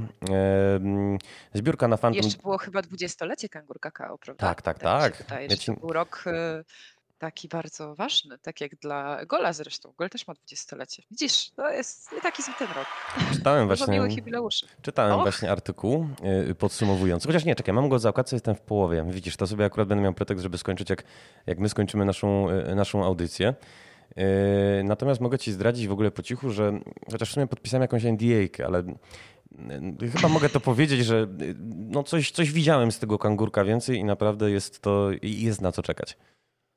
No ja jestem absolutnie graczem sentymentalnym i zawsze to pod- podkreślałam. Ja wiem, że zagram w KO, jaki by nie był, będzie mnie cieszył. Mhm. Tak samo jak wszystkie, wiesz, takie gry, które przypominają mi gry z dzieciństwa i to będzie Hogwarts Legacy na pewno w przyszłym roku, jakie by nie było, mi będzie absolutnie sprawiało radość bieganie z różdżką po Ho- Hogwarcie, nawet jeśli to nie będzie stricte czas Harry'ego Pottera i spółki, bo kochałam gry Harry'ego Pottera i w ogóle całe to uniwersum, jak byłam mała. Także przepraszam. świecie, Też ale- myszką robiłem Wingardium Leviosa, y, Alohomore do tej pory, wiesz, znam te symbole, gdzieś tam mi się odcisnęły pod czaszką i, też wiem, że się będę... Pamiętasz? Proszę? Mistrzostwa Quidditcha była jeszcze gra Harry'ego Pottera, nie, nie zawsze Byłem. doceniana. Och, to było cudowna była, cudowna. No to taki kazus trochę jak Star Wars Racer, to znaczy właśnie taka gra, która jest spin-offem, ale na, nawet chyba przetrwała lepiej niż y, ówczesne odsłony Gwiezdnych Wojen, bo ktoś pamięta o adaptacji Mrocznego Widma, a wszyscy pamiętają o Star Wars Racer. A tak, właśnie, masz rację. Troszkę no, bardzo trafne porównanie, no chociaż, chociaż niektórzy by stwierdzili, że porównanie tych dwóch uniwersów to jest uch, tragedia i potworność, co ty robisz, Borysiuk.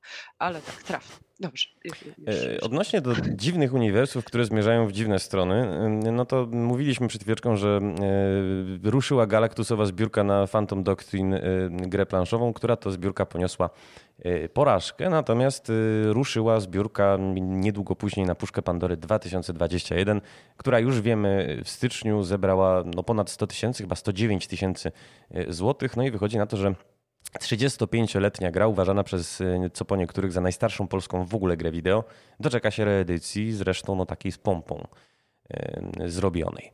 Ponieważ jednak y, już żeśmy przekroczyli czas, y, przejdźmy do wydarzeń grudniowych, które, jak słusznie zwróciłaś uwagę, mają nawet największy potencjał na to, żeby sobie o nich y, swobodnie dyskutować.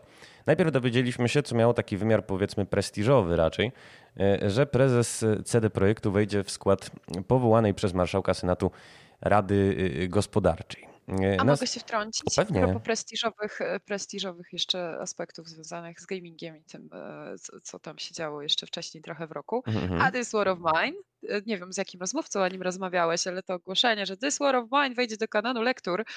Mm. O, to, to musiał być interesujący temat. E, Nie, aż żałuję, że o tym nie pogadaliśmy dłużej, bo pamiętam poruszenie w branży i te rumiane policzki wszystkich, którzy mówili, że to przełom i wreszcie te gry wejdą do szkół. I gdzieś tam stałam trochę z boku i mówiłam, wam wejdą do szkół. Wiesz co, ale no cóż. ja jestem bardzo sceptyczny, ponieważ y, trzeci raz już dostrzegam taki ruch ze strony miłościwie nam panujących, że jak y, zbliża się kampania wyborcza i trzeba trochę zaktywizować młodych wyborców, no to się właśnie Oczywiście. wymyśla centrum gier To się- wideo, albo się sprzeciwia tak zwanemu Akta 2, albo się wpisuje This Tak. War of Mine na listę i premier przyjeżdża, żeby powiedzieć y, jakieś banialuki Tak, o tym, że dokładnie. game dev to Albo się motor robi postępu. z figurką Wiedźmina. Otóż to. No nie, no pewnie. Jest milion takich zagrywek i od początku uważałam, że to zagrywka, ale że w ogóle dyskusję nasza branża rozpoczęła nie od tej strony, od której trzeba i my już wymyślaliśmy, ile jeszcze lektur wrzucimy, wrzucimy do szkół, jak to będzie rewelacyjnie i którzy to nauczyciele będą uczyć. No, to były takie, takie bujanie w obłoczkach, trochę się z tego zrobiło. Trochę No. tak, natomiast wiesz co, my- myśmy teraz opublikowali mm, magazyn papierowy Polski Game Dev, w którym właśnie sobie zamarzyłem, że może by Paweł Miechowski troszkę tę nadzieję z jednej strony rozbudził, bo to rzeczywiście jest y, precedens i to taki dość ciekawy, ale z drugiej strony ostudził, bo to nie jest tak, że y, przyszedł premier Morawiecki, pomachał różdżką czy tam długopisem i nagle rzeczywiście w całej szkole naucza się This War of Mine. Y, Wykorzystuje się podczas lekcji filozofii czy etyki. No tak nie jest. No To musi, to się musi być super rozmowa, więc e, czekam, czekam z, niecierpliwością. Polecam, polecam. Aczkolwiek, wracając do grudnia i wydarzeń istotnych. Myśmy też wraz z Finą zorganizowali Games for Impact, festiwal gier e, zaangażowanych społecznie. Rozmawialiśmy o Białorusi, teoriach spiskowych, właśnie wykorzystaniu gier w edukacji. I tutaj był Paweł e, Miechowski obecny wraz z e, ekspertami z Centrum Zajezdnia. E, no i oczywiście o grach w cudzysłowie głuchych i srebrnych, to znaczy o dostępności i o silver gamingu. Pojawił się wreszcie Cyberpunk, który zbierał no, znakomite recenzje, bo ta średnia przez chwilę nawet to było 91%, potem 90%, aczkolwiek ostatecznie spadła chyba do 86%. Ja bym nie powiedziała znakomite. E, z ośmioletnim budowanym hypem i takim marketingową otoczką e, gry dziesięciolecia, dwudziestolecia, gry wszechczasów, to te recenzje były jednak takie troszkę podszyte niepokojem. Mhm. Więc ja bym nie powiedziała znakomite, bo znakomite to byłyby same dziesiątki. Bo myślę, że trochę społeczność tego oczekiwała, że zaraz będzie, wiesz, miała u siebie na konsoli czy PC-cie grę wszechczasów i oni są, żyją w tych czasach i będą w nią grać i będzie najpiękniej na świecie. No, a Dobra, te tylko powiedz recenzje mi... troszkę, no, troszkę budowały już takie poczucie, że coś jednak poszło nie tak, no, coś tam jest niedorobione, coś jednak tam poszło, coś obcięli. To nie będzie to. Więc nie były znakomite moim zdaniem, były bardzo dobre. Okej, okay, tylko wiesz, mój problem polega na tym, że staram się na rzeczywistość. Ty wspomniałeś, że jesteś pragmatyczką. Ja się też staram patrzeć na rzeczywistość e, idealistycznie, ale z jakimś e, takim racjonalnym sznytem. Jeżeli widzę, że mam grę, która przynajmniej raz, jeżeli nie dwa, została w ogóle po cichu zresetowana, e, która powstaje od, nie wiem, 2014 chyba była pierwsza zapowiedź. Dostawaliśmy przez lata informacje, że Redzi mają problemy z silnikiem, problemy z prowadzeniem dokumentacji, problemy z no Ale właśnie, eksploatacją pracowników. Patrzysz znowu przez pryzmat bańki e, naszej branży, do takich standardowych, przeciętnych graczy docierała informacja, że się dzieje, że BIP, że Kijano, że hype, że będzie super. E, my braliśmy do serduszka te wszystkie informacje, że może nie dzieje się najlepiej. Nie wszystkie były potwierdzone, więc to też troszkę pamiętajcie, że się działo gdzieś na, na, poziomie branży, branżowi mhm. te rozmowy, ale szeroko pojęta społeczność graczy oczekiwała produktu y, dziesięciolecia, naprawdę. Takie były oczekiwania. Z tymi oczekiwaniami zderzył się produkt y, niedoskonały i stąd cała ta burza, przynajmniej moim zdaniem. Mm, a nie masz w takim razie takiego wrażenia, że my trochę jako media nie zdaliśmy może egzaminu? Bo jeżeli y, faktycznie mówisz mi, że to, co się dzieje, to jest, że ta ocena to jest element jakiejś bańki ludzi, którzy no faktycznie zjedli na tym zęby i ci ludzie nie byli przekazać tych bardzo zasadnych wątpliwości. Nie, to nie media zawaliły. To rewelacyjną robotę zrobił marketing i PR CDP. Którego nie rozliczaliśmy i ślepo, przepraszam, ale ślepo publikowaliśmy, jak jeden mąż i jedna żona, e, najbardziej głupie, nieistotne newsy o cyberpunku, wypowiedzi wyrwane z kontekstu, które absolutnie o niczym nie świadczyły. ich pragnęli. Tak, oczywiście, że tak. To, to media dostarczały e, graczom małych smaczków, bo to się lepiej czyta niż dochodzą na słuchy, że gdzieś coś się dzieje nie tak. Tak to przecież dobrze wiesz, jak się klikają, czytają artykuły, które dostarczają czystej, radosnej rozrywki, a jak artykuły, które po prostu próbują drążyć albo rozpocząć temat problemów e, molestowania gdzieś w którejś z firm. Czytają się doskonale, nie wiem. ważne nazwisko. O ile to nie jest takie wielkie nazwisko, tylko mhm. takie delikatne przypuszczenia, to myślę, że, do, do, szerszej publiczności to wiesz, to, to nie dotrze, a CDP nie, nigdy nie potwierdził, że jest źle. Przecież do końca była trzymana ta, e, ta, ta, ta wersja, że jest super, tak? Więc to nigdy nie było pod nic potwierdzonego. Faktem jest, że... ja, w ogóle, ja, ja po 50 godzinach uważam, że ta gra jest rewelacyjna, ja kocham to uniwersum, więc y, może ja jestem też trochę nieobiektywny.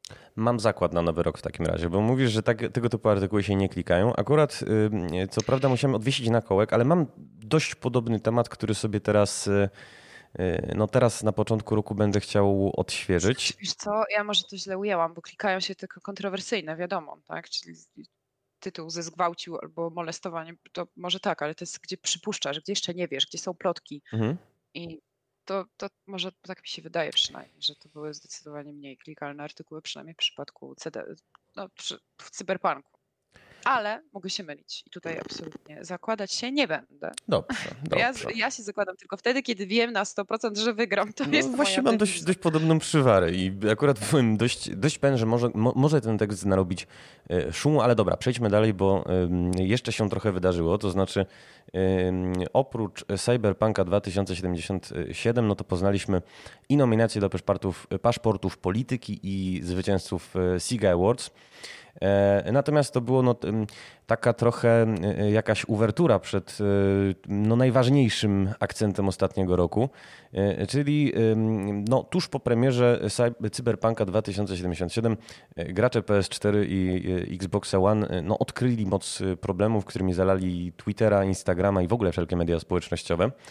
E, na giełdzie i na Metacriticu się, e, kiedy już mogły wchodzić recenzje użytkowników, zrobiło e, czerwono. CD Projekt najpierw przeprosił, że nie zaprezentował tej rozgrywki na konsolach poprzedniej generacji. Następnie przeprosił za zbagatelizowanie sygnałów świadczących no, o tym, że trzeba jakieś ulepszenia wprowadzić do, tej wersji, do tych wersji na poprzednią generację. E, Sony wstrzymało sprzedaż e, gry w PlayStation Store, analitycy obniżyli prognozy sprzedaży, kancelarie e, zaczęły grozić pozwami zbiorowymi. Już zresztą pierwszy taki pozew został opublikowany. Zarząd no, stwierdził, że podejmie, to cytat, aktywną obronę przed pozwami.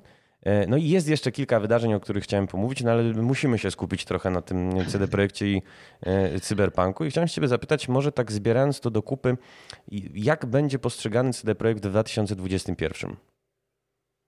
A to bardzo ciekawe pytanie mi zadałeś, bo odpowiedź może być jedna. Nie wiem. E, jeżeli obronią się naprawdę przed tymi wszystkimi pozwami, a jestem pewna, że się obronią, i przeprowadzą ten 2021 w inteligentny sposób, czyli w dobrym momencie ogłoszą e, kolejną grę, nad którą pracują, czyli w dobrym momencie wejdzie premiera serialu e, drugiego sezonu Wiedźmina na Netflixie, to wbrew pozorom to nie, wcale nie musi być jakiś zły rok dla CDP-u. Ja im bardzo kibicuję i trzymam kciuki, żeby tak nie było, żeby się przed tymi pozwami wybronili. Mm, no jeśli się nie wybronią, to faktycznie e, słupki giełdowe tutaj myślę powiedzą wszystko i z tym dyskutować będzie ciężko, ale jednak myślę, że dobrze poprowadzone te zapowiedzi, wydawanie DLC-ków e, sukcesywne i poprawianie cyberpunka połączone z ogłoszeniem nowej produkcji, to wyjdzie tylko na plus. Nie masz jednak takiego wrażenia, że oni jednak stoją na e, pozycji przegranej? Już tłumaczę. To znaczy, znaczy, wiem nie, o co ci chodzi prawdopodobnie, bo to trochę wiem, życzeniowe to moje myślenie nie, nie, nie, wiem, czy wiesz, bo chodzi mi o to, że zarząd według mnie zrobił rzecz, która jest y, PR-owo i marketingowo doskonała, to znaczy w bardzo precedensowym oświadczeniu, czy dwóch nawet oświadczeniach, e, przeprosił za stan tych wersji konsolowych, posypał głowę popiołem, e, założył, założył włosienicę i zaczął się smagać batogiem po plecach. Tylko problem nie jest w odbiorze przez graczy tego ruchu, tylko problem jest w tym, że właśnie dostarczył amunicji prawnikom, którzy szykują pozwy zbiorowe, no bo przyznał de facto wprost, że wiedział o problemach, że zlekceważył te problemy, że wprowadzał inwestorów w błąd i w tym momencie uruchomił lawinę Y, która no, będzie nam towarzyszyć przez cały 2021. Będziemy słyszeć o kolejnych pozwach sądowych, o kolejnych perypetiach, o kolejnych obronach i y, y, nawet jeżeli ten ruch był wizerunkowo może i krótkoterminowo słuszny, no bo pokazał, że to nie jest jednak taka zła korporacja, skoro stacią na namysł i, i na takie apology, a nie non-apology, ale z drugiej strony będzie cały 2021 e, w cieniu no, oskarżeń i takiej wojny medialnej, która nie pozwoli nam się cieszyć po prostu ogłoszeniami pozytywnymi ze strony CD Projektu, bo zawsze będzie to czymś skażone. No, pamiętaj, że nie do końca na bieżąco można wszystkie pozwy i to, jak się sprawy sądowe toczą, e, komentować. A dwa, e, to nie jest tak, że sądy działają w sobie tak, jak wszyscy mają nadzieję, oglądając amerykańskie filmy. Więc te rozprawy będą się toczyć to też nie będzie tak, że będziemy dostawać tymi informacjami co chwilę. One będą rozłożone w czasie, e, więc e, trochę się zgadzam, a trochę nie.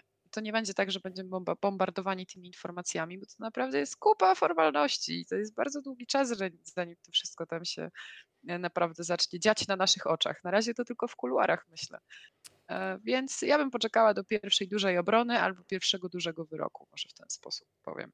I wtedy to faktycznie ustawi dosyć mocno to, w jaki sposób będziemy e, my jako branża i my jako gracze na CDP patrzeć. No dobra, a fakt, że to mm, warunki pracy w CD Projekcie i w ogóle realia game devu mm, weszły pod koniec roku i na początku tego roku wchodzą do mainstreamu, to znaczy y, ja pamiętam, że myśmy jeszcze za czasów CD Action faktycznie zrobili e, w momencie, e, kiedy się zaczęły pojawiać te oskarżenia na Glassdoorze, duży e, reportaż. Rozmawialiśmy z kilkunastoma pracownikami CD Projektu, którzy nam opowiedzieli o tych realiach. Tylko to była trochę, no właśnie, sprawa znana w tej naszej banieczce. Natomiast teraz widziałem już artykuły i wyborczej, i rzepy. Jutro wiem, że polityka opublikuje artykuł o realiach pracy w game devie.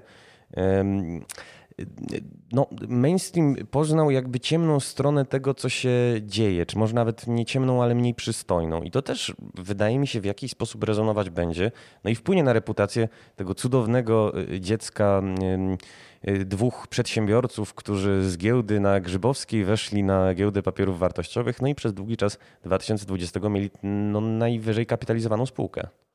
Znaczy mam szczerą nadzieję, że to wpłynie e, pozytywnie w taki sposób, że te warunki pracy będą się poprawiać, a nie, że raczej wpłynie negatywnie pod tytułem teraz tak będziemy patrzeć na, na branżę gier i to już nie będzie marzenie chłopców i, i, i dziewczynek y, pracować w game devie, bo będzie się więcej słyszało o tym, że tam się wykorzystuje ludzi i się pracuje po 16 godzin, e, niż że robi się to, co się kocha, bo generalnie jednak musisz przyznać, Znamy y, wielu, wiele osób pracujących w tej branży. Oczywiście. To są absolutni fascynaci, którzy kochają robić to, e, co robią i e, oczywiście spotykają się z różnymi problemami, ale to są fascynaci i oni podkreślają za każdym razem, że ich hobby stało się pracą, ciężką momentami, szczególnie jak są te crunche, ale jednak kochają to i nie potrafią sobie wyobrazić, żeby robili cokolwiek innego w życiu.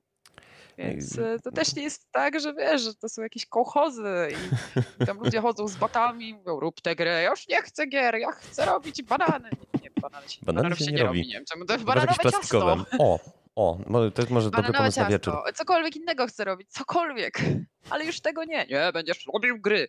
Także e, wiesz, też e, to nie jest tak, że na przykład programiści w gamingu są jakoś nie wiadomo jak opłacani jest trochę innych branż, gdzie są opłacani lepiej, więc... Aga, jestem dziennikarzem, więc nawet to ich nie najlepsze opłacanie to jest, no wow. Zdaję sobie sprawę, że w IT oczywiście zarabialiby znacznie, znacznie, znacznie no tak, więcej. Tak. O to, właśnie o to mi chodzi, że dla nich e, nie, nie dla wszystkich, to jest generalizowanie. To jest w ogóle temat na oddzielną, długą rozmowę. Bardzo się boję, że, że gdzieś tam to spłycamy, bo nie mamy tyle czasu, żeby o tym pogadać, a to jest bardzo rozległy temat. No to też nie jest tak, że przebranżowienie się to jest op, hop, siup, tam bym sobie zarabiał więcej, to bym tam mógł iść. No ale to są ludzie z łbami jak sklepy, mm-hmm. parafrazując i, i myślę, że, że często mogliby robić dużo innych rzeczy, a jednak wybierają ten gaming, bo, bo serce tak podpowiada. Jakby, jakby to jest tak źle, jak wszyscy mówią, nie, nie, nie. No zresztą w, w, dyskusji o crunchu bardzo często pomijamy też fakt, że to są ludzie, którzy chcą przekraczać no, granice, chcą, żeby projekt, nad którym pracują przez bardzo często wiele, wiele lat e, po prostu okazał się no, jak najbardziej przyjemny Sukcesem. dla wyjściowego. Tak. Ujrzał światło dzienne, co często jest e, wymogiem inwestorów, żeby to skończyć mhm. na czas. Ale skoro spędziłeś nad tym ostatnie 3 czy 4 lata swojego życia, to chcesz E, jeszcze włożyć trochę serca i siły, i energii, i czasu i, i sprostać tym wyzwaniom, bo się kiedyś na nie zgodziłaś. Nie? Oczywiście. Więc tak, no to, to jest, myślę, ten medal ma więcej niż dwie strony.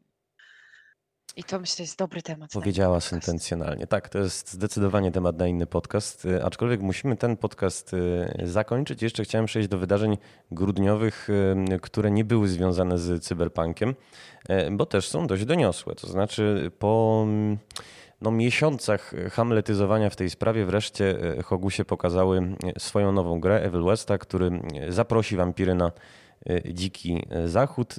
Co więcej, Creepy Jar się pochwaliło, że Green Hell dotarł do półtora miliona ludzi, co w ogóle było niesamowite, bo w połowie roku miał tych graczy chyba 360 tysięcy. Z kolei Noble Muffins również się pochwaliło, że Thief Simulator no, jest już w rękach miliona odbiorców.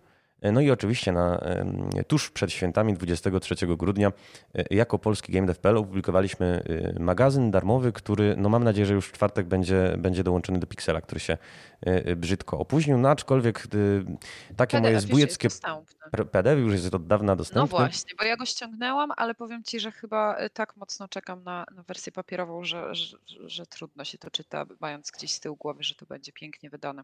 Więc tak się na razie powstrzymuję. Dwa artykuły przeczytałam. A jakie?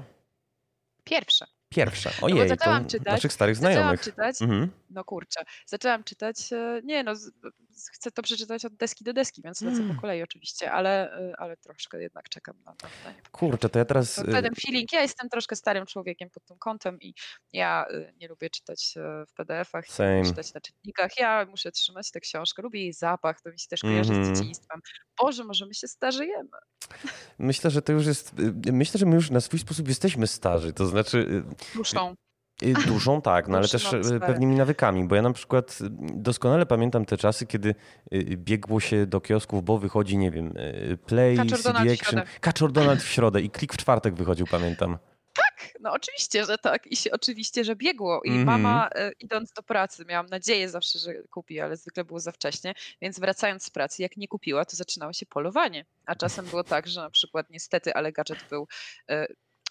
No, no, który był gadżet taki najbardziej popularny? Był Chyba ta łapka. skauta i, z- i zegarek szpiega. To chyba były najbardziej e, popularne gadżety, więc jak zegarek szpiega by miał powiedzmy ostatnią część, Mhm. to nagle tych kaczorów Donaldów nigdzie nie było. To była tragedia. Boże, ja też to pamiętam.